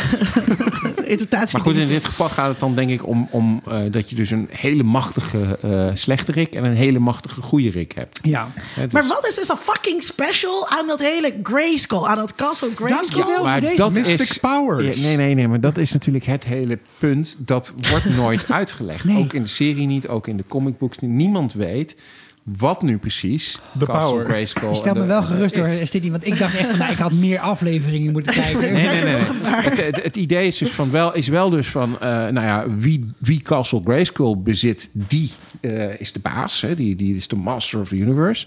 Eh, maar deze vraag door. Wat nou precies die fabulous powers eh, van Castle Grayskull zijn, dat weet niemand. Maar wat lees jij mooi- erin? Het is ook niet echt een mooi kasteel. Wat denk jij Nee, dat het is? Ik zou niet Wat ik willen denk, dat- nou ja, nou, ja, weet ik niet. The power of love? Nee, dat denk ik niet. Friendship. Maar het grappige is inderdaad wat jij zegt, het is geen mooi kasteel. Het, het, het is natuurlijk een kasteel wat eigenlijk, toen ik ook als kind speelde, was Skeletor de baas van Castle Grayskull. Want Skull. Want het we, heeft hoort missen, gewoon. we missen echt zoveel backstory, Ja. inderdaad. Echt, het is, wat hadden ze, ze hadden nog ergens een, een, een skelet in een la liggen en ze hebben daar wat stenen omheen getikt. Zo, hoppa, klaar. Nee, ze hebben dus echt heel veel moeite dus gedaan, zagen we in die docu, om Castle Grayskull helemaal precies goed te Ah, krijgen. heel veel ja, moeite. ja, ja. Ze kwamen er gewoon de dag voor de launch achter dat het gewoon op de verkeerde was, schaal ja. was gemaakt. ja. En toen moesten ze opnieuw eh, iemand laten kleien en daar dan eh, plastic overheen gieten. En Maar- dan was het... eh. Maar wat ik dus ook heel raar vind aan de film is dat waar de serie, de serie gaat over het gevecht om Castle Grayskull. Ja. En wat het dan ook verder precies is. Maar het gaat erom dat Skeletor wil in Castle Grayskull komen. En ofwel het lukt hem of het lukt hem niet. Maar dan gaat het er weer om dat hij eruit... En hier eh, begint de, begin- die film begint eigenlijk met het einde. Namelijk Skeletor heeft gewonnen. Ja, ja, dus een soort aanval eh, eh, eh, op de planeet. Ja. Het lijkt ook alsof, alsof mensen dus een soort van onderdrukt. Het is ook de enige keer dat we dus iets leren over de burgers van, Van Eternia. van, Eter, van Eternia. En die zitten niet te wachten op Skeletor als overheerser. Het gaat veel meer inderdaad over, over de macht over die planeet. Ja, ja en, en, en daardoor is het dus minder interessant. Want eh, hoe loopt Want- dat eigenlijk af? Weten we dat? Nou ja, uiteindelijk wint He-Man. Dus Ja. ja. En dan zijn de mensen weer blij. Want dat En is dan nemen we neem ik aan dat iedereen blij is. Maar het, het, het, het, het- dat vind ik dus de, de, de, gro- nou, er is heel veel op en aan te merken op deze film. Ga je nou zeggen dat deze film een zwakte heeft? Ja, deze, is- dit, dit is wel een zwakte van de film wat mij betreft. En Oh, dat echt is luisteraars, ik ben zo opgewonden dat mijn bril net helemaal van besloeg. dat het, eh, het verhaal gaat dus niet over Castle Grayskull en over de macht die je dus... Volgens mij zien we ook Castle Grayskull helemaal niet. Ja, wel, daar, zit, beginnen we mee. Daar nee, maar zit, daar zit de in. buitenkant. eh, Ja, heel even. Dus is een matte painting van Castle Grayskull, dat zie je. Ehm, maar we beginnen dus Nu bij Castle nog een keer Grayskull. kijken, er zit niks anders op. En, en dan gaan we dus de hele tijd naar de aarde. En dan gaat het verhaal gaat dus eigenlijk over iets wat er op aarde gebeurt. En, en, en die sleutel die weg is. En, maar het gaat helemaal niet over Eternia maar en Castle maar wij hebben, wij hebben Een hele lange aflever- MacGuffin, klaar. We hebben een aflevering gemaakt over de Star Wars Holiday Special. Mhm. Dat is van dezelfde orde van onbegrijpelijkheid als dit. Dus Ja, ze, hebben gewoon, dus- ze hebben gewoon bedacht, weet je wel, oké, we gaan dus, we gaan dus eh, toen met die, heb je de Star Wars Holiday Special wel eens gekeken? Ik heb helaas eh, dat een keer gedaan. Ja. Ja, eh, maar toen hadden ze dus ook bedacht... we gaan een televisiespecial maken van deze film en we doen maar wat. op- En hier hebben ze dus bedacht... we gaan een film maken van deze televisieserie en we doen maar wat. Ja, het, het verschil is dat, dat de En dat komt Holiday... dus ook. Zonder dat er fans zich maar gingen Toen kon dat. Mensen Ja. blogs gingen schrijven. Maar, maar ja. het, het Nou, de film is na een maand was hij weer de bioscoop uit. Ja, Maar nu is hij dus cult. nu Nu is hij wel- terecht, want Nou het is ja, superleuk. Maar je moet het wel in twaalf delen kijken op YouTube. Ik weet niet wat jullie hebben gedaan, maar... eh, nee, ik heb de hem download. eh, heb hem gewoon gedownload. oh. Ehm, Zei je nou dat je wat verschil, gedownload ja, in, ja, want hij, Oh. hij stond, eh, hij stond op een van mijn, ik weet niet meer welke, volgens mij Amazon Prime, maar die was hij opeens vanaf. Dus toen dacht ik, ja, nou dan, eh, Nou is het klaar. nou is het klaar. Ehm, maar even nog over die holiday special, want het, het, het, wat, ik, wat ik dus beter vind aan die holiday special, ze blijven in, ze blijven in de holiday special. ze blijven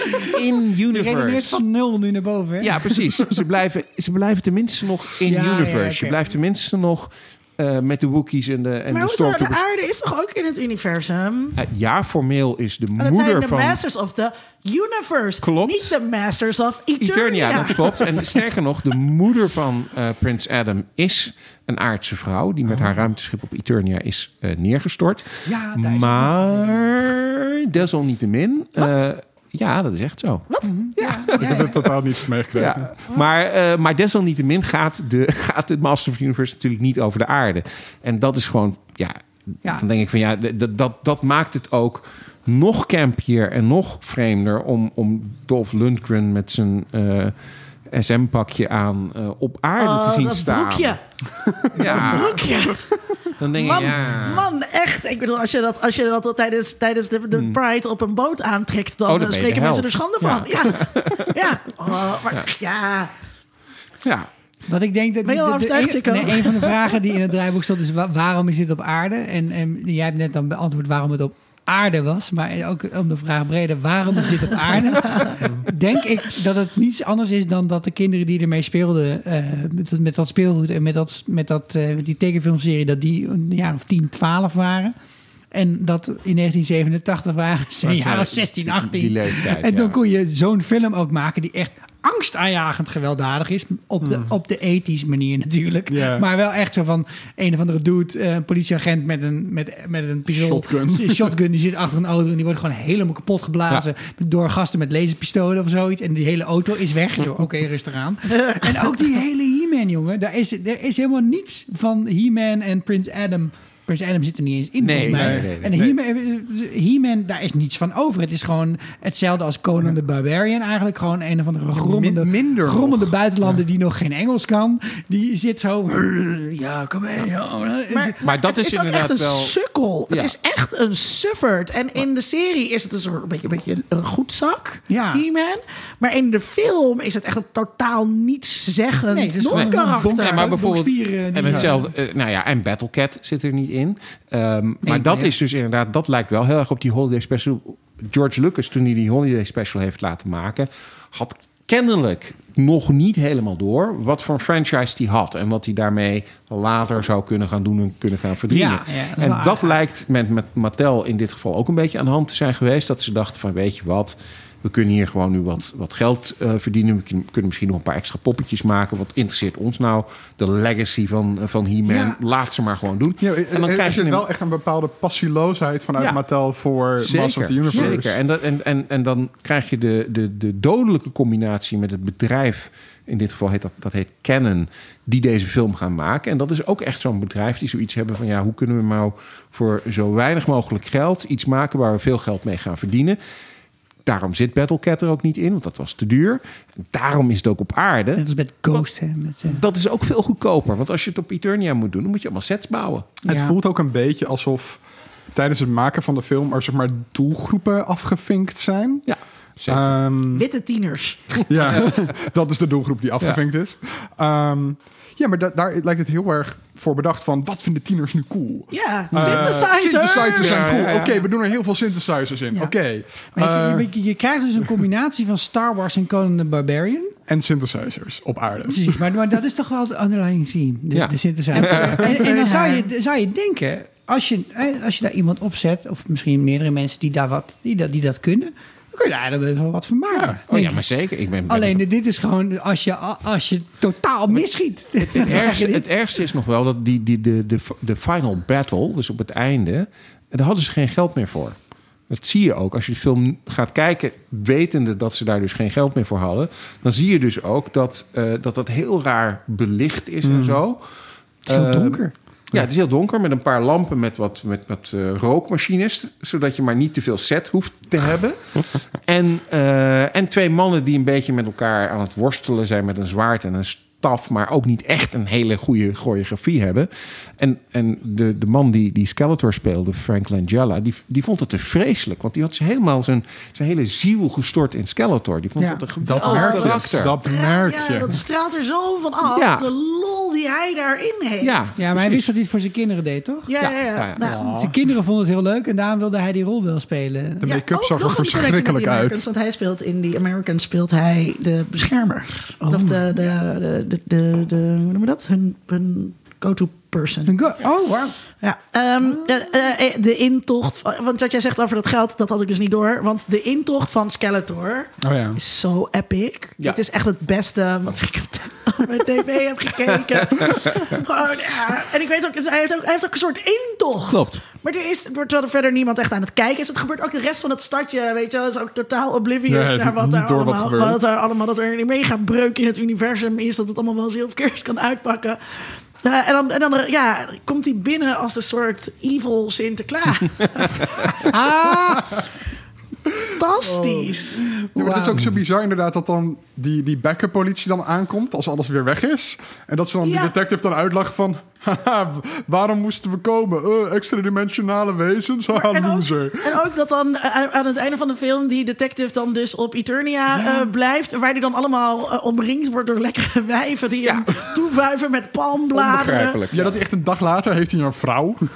Ja, die is hem gewoon toegewezen. Maar ik wil nog één keer, ik, want ik had het citaat ook opgeschreven. En dit, dus nog een keer, wat ik Ja. al zei.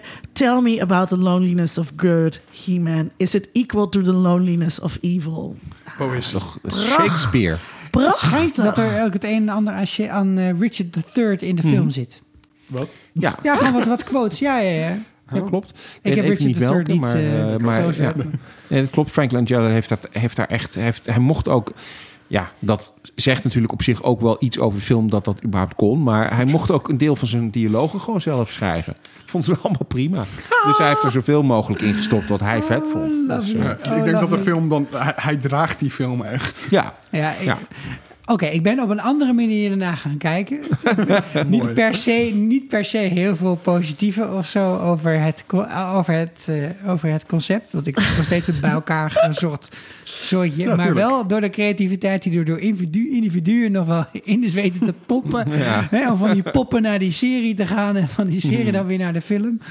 Oké, dus nu moet ik die, al die andere shit die ze nu gaan maken, moet ik nu gaan kijken, toch? Ja, ja, nou dat is dus, want jij zei van, je kunt er wat van maken. Er, er- er is het, denk ik, van, want er komt, althans, eh, met de Ai, COVID- corona, COVID-19 situ- situatie weet je natuurlijk überhaupt niet meer of er eh, plannen die er waren nog Of doorgaan. jaar nog films hebben. Of we nog films hebben. Maar oorspronkelijk was de bedoeling dat er een eh, live-action He-Man film weer komt. Met? Eh, ja, met, ik ben de naam van die jongen even kwijt, maar hij heeft... eh, het is een, een Spaans-Amerikaanse... Is het Charlie Hunnam? Nee, het is niet Charlie Hunnam. Het is een heel mager jongen. jochie met bruin haar. Die in een Netflix-film eh, All the Boys I Loved Before of zoiets heeft hij gespeeld. Het is, het is best een knappe jongen, maar het is zeker geen... eh, Maar wel blond. Nee, nee, nee. Een Spaans-Amerikaanse jongen met zwart haar. What the fuck? Ja, Ja, dus daar was ook nu meteen al opheffen Als er over. geen jongens met half lang blond haar in zitten, ja, ja. what's the fucking Ja. point? Nou ja. Heb jij je haar ook een beetje gemodelleerd naar He-Man?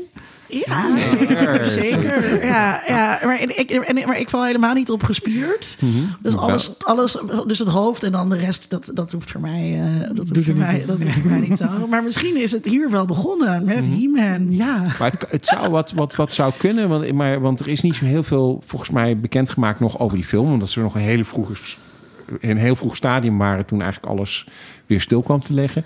Mijn idee was een beetje dat hij waarschijnlijk Prins Adam gaat spelen. En dat er misschien wel een andere acteur gecast wordt En als dat als hij dan He-Man. Ja, wordt, dat dus, hij dan blond haar heeft. Oh, Ik laat kijk, nu, ja, een, ja. ik laat nu een even- foto zien van de wel een knappe jongen. Nou, daar kun je, He-Man zeg maar, dan, dan zou de, de He-Man variant zou de- geen He-Man. die man zijn die eh de Mountain speelt in Game of Thrones. die zou je dan... Ehm, hij heet eh, Noah Centineo. Centineo? Weet je wat, we nemen het opnieuw op. Noah even- Noah Centineo. Even, even Nou ja. opnieuw. Eh, ik weet ik zeker dat ik dan hetzelfde enthousiasme nog een keer... Dan kunnen we alle gesprekken nog een keer doen. Ja. Ik denk dat je best een hele leuke Maar live-action film kunt meer maken. Het maakt eigenlijk Ja, inderdaad meer sens als je een ielige gast met bruin Ja. haar hebt als Prins Adam. En dan, precies, ja, net als Cringer. Want Cringer is in de tekenfilmserie wel echt een, een, een, meer een pussy. Ja. Eh, eh, Dat dan het contrast groter wordt. Ja. Dat, zie, dat zie ik wel voor me. Ehm, maar ik ben dus ook wel benieuwd omdat er dus allerlei dingen in zitten die, die, die weet je wel, het is, het is, het is hartstikke homoerotisch en, en, en er is dus opgeblazen mannelijkheid. Eh, we het maar toch, helemaal niet over gehad. hoor. Nee, Oh. ik dacht, Ja, daar ja, gaan we ja. het een uur over hebben. en, natuurlijk ook, zeg maar, hè, dat, dat ehm eh, She-Ra loopt ook de hele tijd in een badpak rond. En de Ja. Sorceress ook. Daar heb ik me niet aan gestoord. Dat, eh, Jij ging wel lekker op die cartoonvrouw. Ja. Nou moet je daar zo hard om lachen. Oh. ja, niks zo. Verliefd op een plaatje. Echt zo. Ja. Even iets anders Voor dan de, papa, voor de papa's moest er ook iets zijn. Hè? Bij Sesamstraat was het humor, hier was het sieraad.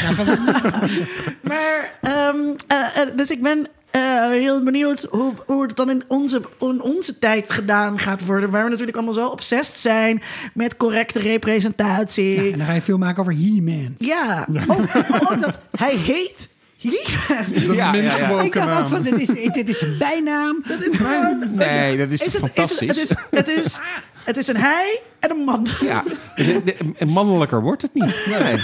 Maar, en dan, maar dan is hij dus toch zo, zo gevaarlijk. Maar, dus, maar, maar maken jullie daar dan niet zorgen om? Want ze kunnen dat dus... Want daar moet dan dus een soort eh eh hedendaags sausje overheen. Maar tegelijkertijd heb je ook gewoon films die heel erg goed met campy over de top, eh, met een knipoog, dit soort films best wel kunnen maken. Ik bedoel, Birds of Prey doet dat wat mij betreft best wel goed. Ja. Ehm, dus zo- zoiets kan ik me wel voorstellen. Dat je een hele kleurrijke, bizarre, over de top campfilm kan je nu gewoon maken. En dan snapt iedereen dat dat camp is en dat het met een knipoog is. Maar misschien is het niet het moment om deze discussie te voeren. Maar is het nou nodig om zeg maar alle eh fodder uit de jaren 80 dan nu in 2020 weer uit het vat te sleuren om daar dan weer iets van te maken? De Want ik heb trouwe dat- luisteraar kent mijn standpunt in deze. Nee, Nee. dat is nergens voor Dat is nodig. nergens en dat moet Ik je heb dat doen. Shira zitten kijken, hè, voor op wat dan nu op Netflix Ja. staat. Dan denk je, nou, ja, dit is ook gewoon totally spice. Of dit, dit kan ook iets totaal anders zijn. Dus waar- waarom zit ik hier naar te kijken? Ja, vond ik, ik, heb, ik had daar ook geen zin in. Klopt, maar dat, maar dat is natuurlijk deels gewoon omdat het ehm, moeilijker is nog steeds voor, eh, voor makers om iets nieuws verkocht te krijgen aan Netflix, Amazon, eh, noem En maar omdat, op. we, en omdat we in een tijd zitten die, die totaal geobsedeerd is door, door nostalgie. Ja, precies. Ja, maar eh, ja, dus dat zal ook waarschijnlijk de reden zijn waarom het moeilijker is om iets nieuws te verkopen. Want, want je kunt iets nieuws maken. Hè? Je kunt zeg maar die Shira-serie en dan met name de dingen die ze daar nu in stoppen. Dat, het is echt, dat is echt een heel erg eh, jaren nu-serie. Met, met, met eh, ehm, eh, ouders die, die LHBT zijn en, allemaal mensen van kleur. Het is echt heel erg divers en representatief. En, Je moet, je moet de Skeletor is blauw grap nog een keer maken. ja, nee, precies. Ja. Nu, nu, nu, nu, nu valt het goed, denk ik. Ehm, en ehm, dat, dat, dat hele verhaal ver- dat daar verteld wordt... dat is op zich natuurlijk heel goed... dat dat verteld wordt in een tekenfilmserie op Netflix. Alleen kennelijk kan dat alleen maar als je het doet... met een betaal, bestaand eh, eh, product zoals She-Ra. Omdat Ja. Netflix dan heeft, zoiets heeft van... Oké, dat willen we wel, dat durven we wel aan, want She-Ra willen mensen wel kijken. Terwijl als je iets anders gaat maken, ja, dan verkoop je het niet. Tegelijkertijd heb ik ook wel het idee met He-Man, zeker na die Master of the Universe film, hoe leuk die ook is. eh, per ongeluk bijna. Ehm, Zo per ongeluk. ehm, zou ik wel bijvoorbeeld willen zien van, ehm, hoe heet hij nou? Eh, Kevin Smith. Ehm, hij is echt fan. Ja, En zou ik wil- wel willen zien wat een echte fan van He-Man doet met dat materiaal. Dus niet een soort passielo, eh, passieloze grabbelton aan doelgroepen. Eh, maar gewoon iemand die echt gewoon zit van... ik vind het tof, ik wil hier een leuk, interessant nieuw verhaal mee vertellen. Ja. En Mark Hamill als Skeletor. ja, Eh, ja. dat zal wel heel cool zijn. Ja, ik bedoel, Liam ik zou dat kijken. als eh, Man at Arms, las ik. Ja. Dat is Davos. Ja. Ik Ja. vond trouwens ook de Man in Arms, eh, eh, ook, hey, ook, ook als het gaat over mannelijkheid, ook een totale verademing. Dus het is, een- het is een beetje eh, vaderlijk. Hele oké vent. Ja, ja. Met een snor. Dunphy ik weet niet wie dat is, maar... van Modern Family. Oh, ja, Ja. ja, ja, ja, ja, een beetje wel. Zo, zoals Het was een grapje, maar ja, ja, of Brian Cranston in, eh, in eh, Breaking Bad, maar dan... eh, Met dan aardig. Alleen overdag. Alleen overdag. Ja, overdag. Brian Cranston. Ja. Nee, maar ik, ik vond dat ook wel... Nee, dus- als hij in, ehm, in Malcolm in the Middle. ja, ja. precies. Ja, ik vond het ook wel interessant om te zien dat, dat He-Man komt dus vanuit echt zo'n plek bij Mattel van boys will be boys en we gaan hypermasculine dingen doen van I have the power en allemaal eh gekke over de top power, mommy. Ja, Ik heb niet allemaal dat soort gekke dingen. Ik kom niet eten. En, en dat is toch gewoon, dit is bijna de definitie van toxic ma- masculinity. En dan komt die serie en is het super zachtaardig en lief en fijn. Wat dan ook eigenlijk best goed is. Heel sympathiek aan die serie. Het, het, het- ja, het, het- dit, dit, dit, dit brengt toch je vertrouwen in de mensheid terug. Terug, Ja. zeker. Dat het gewoon Ja. is, het is, weet je, met, met duidelijk kwaadaardige motivatie is dit allemaal gemaakt. Om Ja. kinderen eh, het geld uit, de, uit de zak te kloppen. En, en, dan, en dan is er dit uitgekomen. Ja. Waar ik als meisje dus graag naar keek en nu als 43-jarige vrouw super opgewonden over zit te praten. in de podcast. Ja, ik ben dat was, dat was nooit de of- intentie. Of, op wat, wat Kevin Smith dus gaat doen daarmee. Want dat is inderdaad wel de vraag. Hij is een fan. Maar hij is ook wel een klein beetje een fanboy. Hè? Kevin Smith maakt hele leuke films, vind ik. Eh, maar ehm, ik, ik vermoed een beetje dat, dat, dat het, dat het een, een soort... eh, toch wel wat meer toxic masculine versie gaat worden... dan we misschien hopen. Maar ik denk tegelijkertijd met Netflix daarachter. Ja, dat is waar. En Mark Hamill, ja. dwingen natuurlijk wel dingen op een bepaalde manier af Ja. nu. Dus ik denk niet dat hij de vrije hand gaat krijgen eh, in het maken van die serie. Mark Hamill is nogal van de blijf bij je leest. Zeker, ja. Dus misschien eh, dat hij dat die, dat die ook wel een invloed zal hebben. Toch meer, meer diversiteit dan wit en blauw.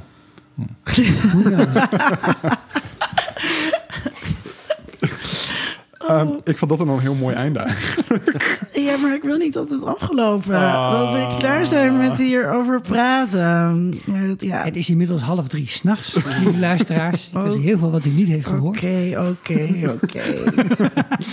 Met tegenzin gaan we dan over naar de vooruitblik.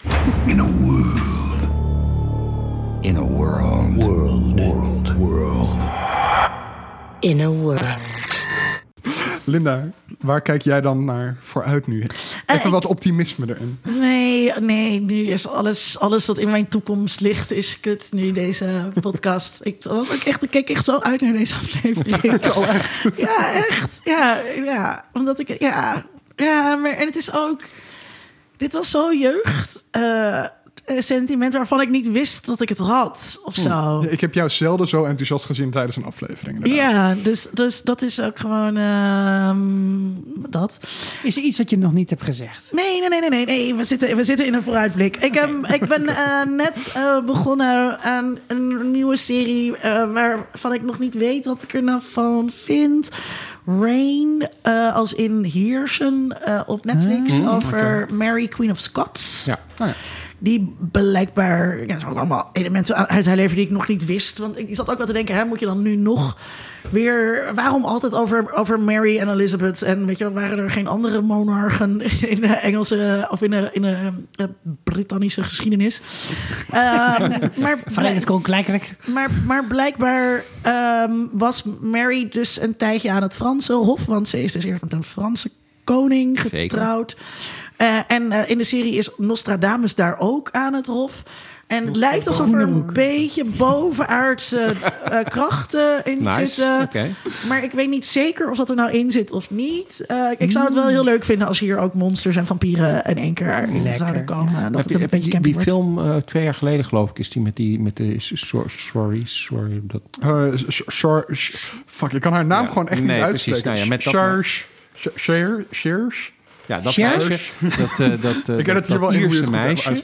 Die speelde eh, Mary Queen of Scots. Eh, en ehm, daar, daar, zat, daar zat ook al heel... Daar, spe- daar spreekt ze volgens mij ook op een gegeven moment eh, in het begin nog Frans. Omdat ze dan net van het Franse Hof eh, komt. Maar dit was een arthouse film. Ja, een beetje Oh, wel. ja, daar hou ik niet Ja, van. Nee. nee. Bom, bom. Nu zit ik even aan te denken, hoe tof zou het zijn als er ook ruimteschepen in Ja. zouden zeggen. Wie En. En dan komt. Skeletor, omdat hij het kasteel wil veroveren. Eh, de- dus daar kijk ik naar By the power of Mary. Sicko. Natuurlijk, uiteraard, evident ben ik eh, de nieuwe serie Rick en Morty aan het kijken. Ah, ja. Op dit moment. Ik zag vandaag ook weer... Tuurlijk, het is maandag. Aflevering 9 staat online. Die heb ik nog niet gezien. Dus daar is iets misgegaan in de planning. Eh, dat kijk ik met. Is er al een keer een keertje dingen over opgenomen? Nee, maar Oké, dat dips. zouden we zeker kunnen doen. Nou, dat, ja, ik vind dat echt ik- ongelooflijk.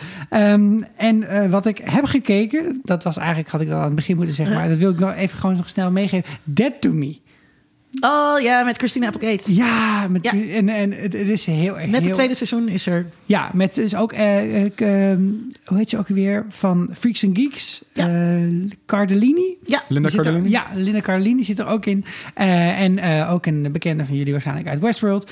Een echt een leuke serie over een, ja, weer iemand die de, dan de man is kwijtgeraakt. ik ben wel door je mensen kijken eh, aan doen de laatste tijd. Daar heb ik heel erg van genoten. Nee, en natuurlijk ben ik dit weekend begonnen met Space Force. Oh, ja. Space Force. Ik, ik, ik zag, eh, ik zat te zappen, dus, of zappen, ik zat te Zo heet dat bladeren. niet meer. Zo heet dat niet meer. Ik zat te bladeren door mijn Netflix en toen zag ik het inderdaad. Ja, ja, dus de korte, snelle uitleg is hier Space Force, Trump, Troopy Troopy, die niet eh, in beeld komt, in ieder geval tot nu toe. Ik heb vier afleveringen gekeken. ehm, heeft gezegd, er moet ook een Space Force komen. En eh, wat moet die Space Force dan in vredesnaam, nee, in oorlogsnaam doen? Dat is de vraag. En, Oh, eh, I see what you did there. snel, hè? Ja, ja, Oh. ja, ja. En eh, die, die, die taak wordt belegd bij iemand die is een 4-star general, hiervoor nog een 3-star general uit de Air Force. En eh, die krijgt de Space Force ineens in zijn maag gesplitst. En dat was niet wat hij had gehoopt, want hij had liever de Air Force gekregen. Maar nu is die klootzak die op Air Force zit nog steeds degene van Air Force. Air Force en zit hij een soort half schuin onder. En dit is... dat die is Steve, Carell. Ja, we Ja. komen toch weer terug op The Office. En ehm, hij, moet zich, hij moet zich alsnog wel vrij inhouden als Steve Carell zijnde. Waar ik natuurlijk het leukste aan hem vond dat hij in The Office dan gewoon... No, no, no! Weet je wel, dat soort dingen riep. Dat, dat is nog niet helemaal gekomen. Ik denk wel dat het nog gaat komen. En eh, ja, ze, John Malkovich speelt een hele interessante rol. Oh, echt? Eh, die is namelijk de lead scientist. Hè? Dus hij is, de, hij is dan de, de wetenschappelijke evenknie van hem. En hij denkt ook dat hij de baas is in plaats van Steve Carell. Ehm, het gaat aardig. Ik heb vier afleveringen gekeken. Het gaat aardig. Eh, ik wil nog wel iets meer zien. Ik, eh, Komt nog wel. Ik, Maar- ik heb het helemaal gekeken. Het is, het, het Zit is, er een ruimteschip in. ja, Zeker, genoeg. Jongens Ja. met half lang Eh, blond haar. Nee, dat niet, want ze hebben allemaal een uh, crewcut, omdat het uh, militairen zijn. maar um, nee, het, is, het, het, is heel charmant. Uh, dingetje. Dan bedenk ik dat halflange blonde haar er wel bij. Phoebe, die Phoebe Lisa Kudrow, zit, ja. zit erin. Die, die doet het ook. Die doet het altijd leuk. Zij doet het altijd doet goed. Het, doet het ook hier heel erg leuk. In tegenstelling tot Monica. Precies, in tegenstelling tot Monica. Um, en het is toch wel. Um, ja, ook omdat van de week natuurlijk uh, SpaceX Elon uh, Musk zijn, is ge gelanceerd. Iemand de lucht in geschoten heeft. Um, en ik zag zelfs een bericht voorbij komen dat de Amerikaanse posterijen geen geld meer krijgen. Nou, dat zit in deze serie ook, want het budget van Space Force komt van de PTT, zeg maar. Ja. Um, en inderdaad die verwijzing... Voor de jonge luisteraars, de PTT, oh ja, de dat KPN. was een... nou ja, goed. Posten. posterijen.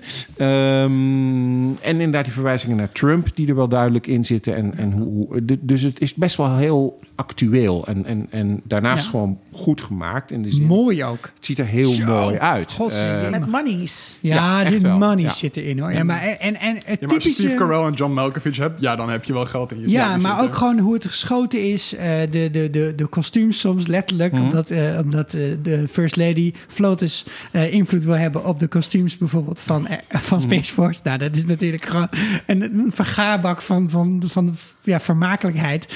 Eh, Hoe ze dat in elkaar hebben gezet. Nee, dus heel erg, echt heel erg leuk om te kijken.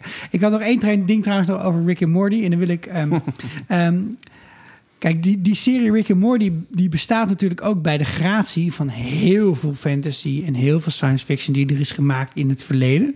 En eh, veel afleveringen slaan dan terug op dingen die je dan zou moeten kennen. Soms heb je dat helemaal niet door, soms wel. Maar wat ik dan, waar ik dan toch Masters of the Universe dankbaar voor ben, is dat ze die, zomaar die, die, die humuslaag van rotzooi hebben neergelegd. dat Rick and Morty daar bovenop kan groeien. Maar ja, dat- maar, ja Nee, ik zit te plagen. Nee, maar dat is wel, dus daar zit dus misschien ook wel mijn enthousiasme in. Omdat dit, dit is wel, dit zijn wel de fundamenten van de popcultuur. Ja, natuurlijk. Ja, ja, eh, waar, waarop we zijn gaan bouwen. ja. Zelfs al heb je nooit die serie gekeken, iedereen kent die gekke lach van Skeletor. Ja. Iedereen kent de lachtake van, van eh, Prins Adam. Ja, dat, is gewoon onderdeel van ons collectieve culturele kapitaal. He-Man. En Kan je de dat- master... Kan je ja, tijdens de aflevering de hele tijd er zo dat Ja. He-Man doorheen Nee, dat, dat ga ik niet doen.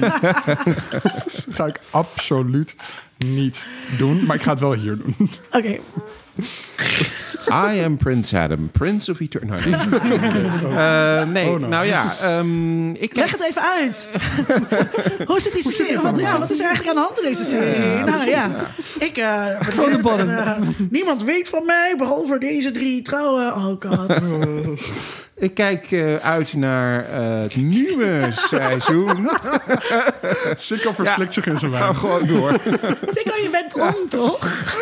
Ik ga alles kijken. Het kost me 70 uur. Dat mijn, mijn vrouw en mijn kind een week niet eten. Maar dat maakt mij niet Ja, uit. nee, precies. Wat is er nou belangrijk in het leven? Eten. Hoor. Oh, ja. Eh, ik kijk uit naar het nieuwe seizoen van The Alienist. Eh, dat herinneren jullie Ja. je misschien nog van Netflix. Daar heb ik wel naar gekeken. me nog. Ja, ik vond dat best een De goede moord serie. op mannelijke, jonge mannelijke sekswerkers. Juist, ja. Eh, het is een En wat het ontstaan van de forensische... Wetenschap. Helemaal, eh, helemaal goed. Het is een wat ouder boek al eh, van Caleb Carr, wat uiteindelijk dus vorig jaar een Netflix-serie is eh, geworden. En Caleb Carr heeft ook een tweede boek geschreven, dat heet Angel of Darkness. En dat wordt nu als tweede seizoen van deze film, of van deze serie, verfilmd. En dat komt al vrij snel, want 26 juli gaat Netflix het al, al uitzenden. Dat En- over twee jaar. Ja, nou, dat is sneller dan je denkt nu. Ehm, en ja, wat ik al zei, ik vond de eerste serie goed. Eh, ehm, er zaten wel dingetjes in die ik wat minder vond. Maar over het algemeen... Wat dan? Nee, eens het algemeen, op, Kom op, op het algemeen vond ik het gewoon goed. Eh, de Altijd maar acteurs, gezellig en eh, leuk. eh, leuk. Ehm, Komt er al dat bier weer? en ik ben een fan eh, van, die, van die boeken ook van Caleb eh Carr. Dus ik denk dat dit ook een goede, goede serie kan gaan worden. De tweede seizoen. Een andere waar ik naar uitkijk is eh, Crossing Swords op eh, Hulu. Eh, dat is van de makers van Robot Chicken. En Robot Chicken is eigenlijk, vind ik, eigenlijk altijd wel grappig. En ze hebben nu een serie gemaakt. Dat is een soort Game of Thrones rip-off. Maar dan met poppetjes. En eh, dat, wat ik ervan gezien heb, is hoe een bedoel je met trailer. poppetjes? Ja, van eigenlijk van die... van, het zijn, het zijn Poppetjes waarmee je kan spelen? ja, een beetje van die, van die Fisher-Price-achtige poppetjes eh, zijn het. En dat is het Eh, stop motion. Ja, dit is stop-motion, wat Ro- Robot Chicken Ja. altijd is. Ehm, en dat zag er leuk uit. Er is een trailer van uitgekomen. Eh, het zijn uiteraard Robot Chicken. Dus die poppetjes doen allemaal dingen die poppetjes niet horen te doen. Ehm, en wat ik al zei, een beetje Game of Thrones-achtige sfeer. Want het zijn ridders en kastelen en maagden en koningen en dat soort dingen allemaal. Toen jij zei dingen die poppetjes niet horen te doen, dacht ik dus meteen aan seks. Juist, dat doen ze Omdat ook. je dat, dus je poppetjes... Het heet letterlijk Crossing Swords. Ja, ja. Eh, ja, ja, ja. Eh, eh, het is een own- wat zegt hij? Hij zegt, de, de koning die zegt op een gegeven moment van... ja, nee, maar onthoofdingen... dat zijn alleen maar een, een, een soms eh, tractatie. Net zoals eh, eh, dingen met je kont. En dat soort dingen. Ja, nou, dat soort eh, Oh, dingen. Ja. Eh, i- dit is de Nederlandse vertaling ook. Ehm, vanaf, Nee, 12 Engels juni, vanaf 12 juni kun je dit gaan kijken. Kun je gaan genieten van De Hulu's. de Hulu's.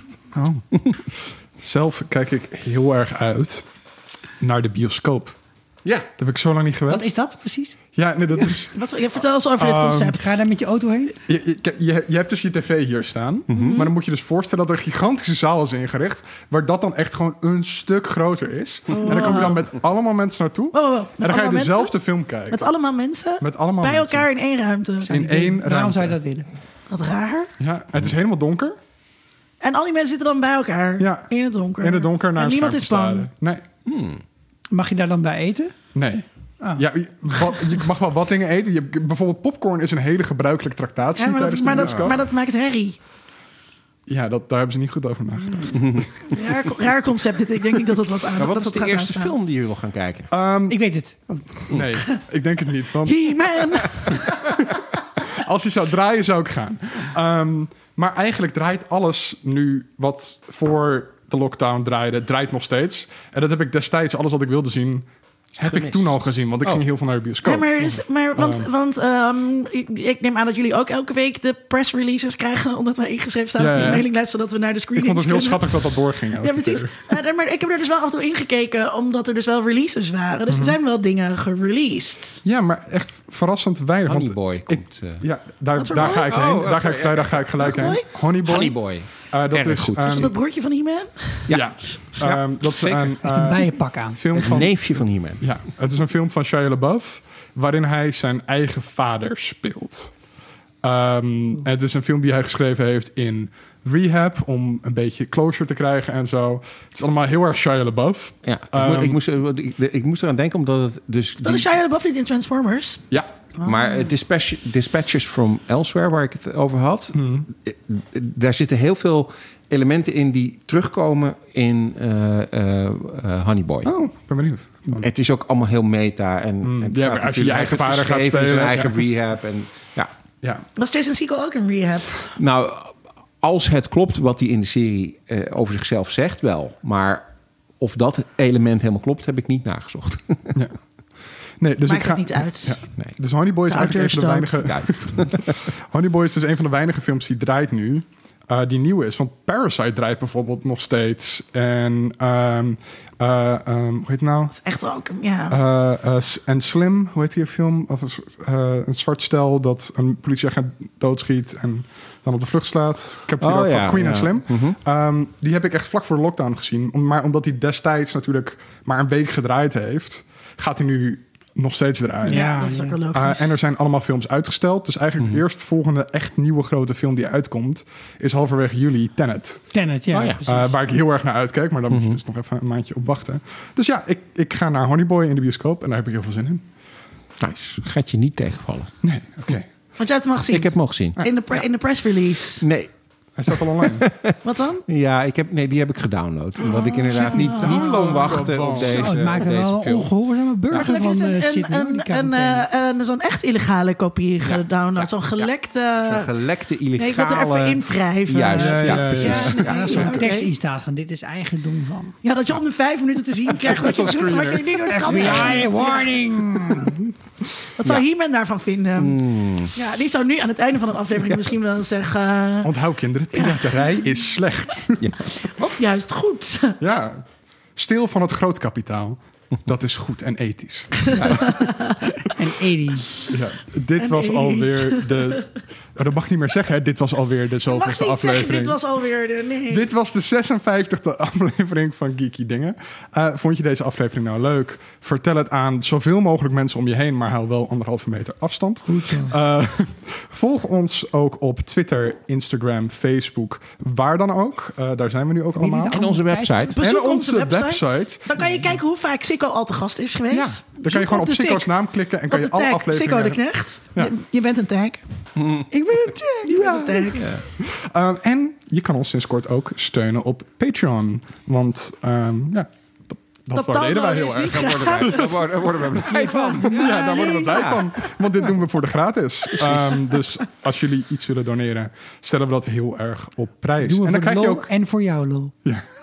en dan krijg je ook dingen voor terug, zoals eerder afleveringen in je podcastfeed. Um, en je naam aan het einde van de aflevering. Op dit punt. Op dit punt had ik jouw naam kunnen zeggen. Ja, Maar dat doe ik nu niet. Ja, Niels, Martijn, Pieter. Cornelis. Nice. Meisjesnamen ook. Jan, Oh, ja, Joris, eh, Corneel. Mannen met Wat zijn baarden. meisjesnamen ook? Mannen met baarden. Ik dacht dus vroeger altijd, en dit is echt omdat ik uit Zeist kom. Ik dacht dus vroeger altijd dat Piet Joris iemand was. Oh, Ja, nou. wel. Dat, ja, Mijn Piet. Joris, ja. Dit zegt wel iets over jouw achtergrond. Ja. Jep, jep, jep, jep, Als je trouwens eh, je huiswerk wilt doen voor de volgende keer, dan eh, kan dat. Oh god, dat is het huis. Waar gaan we het over Oh god, hebben? ja, We gaan het doen. hebben over Tales from the Loop Oh ja, met Bart Westerlaken. Oh, ik moet echt aan de bak. ik ook. Oké. Dit was Opruimen, jongens. Geeky Dingen.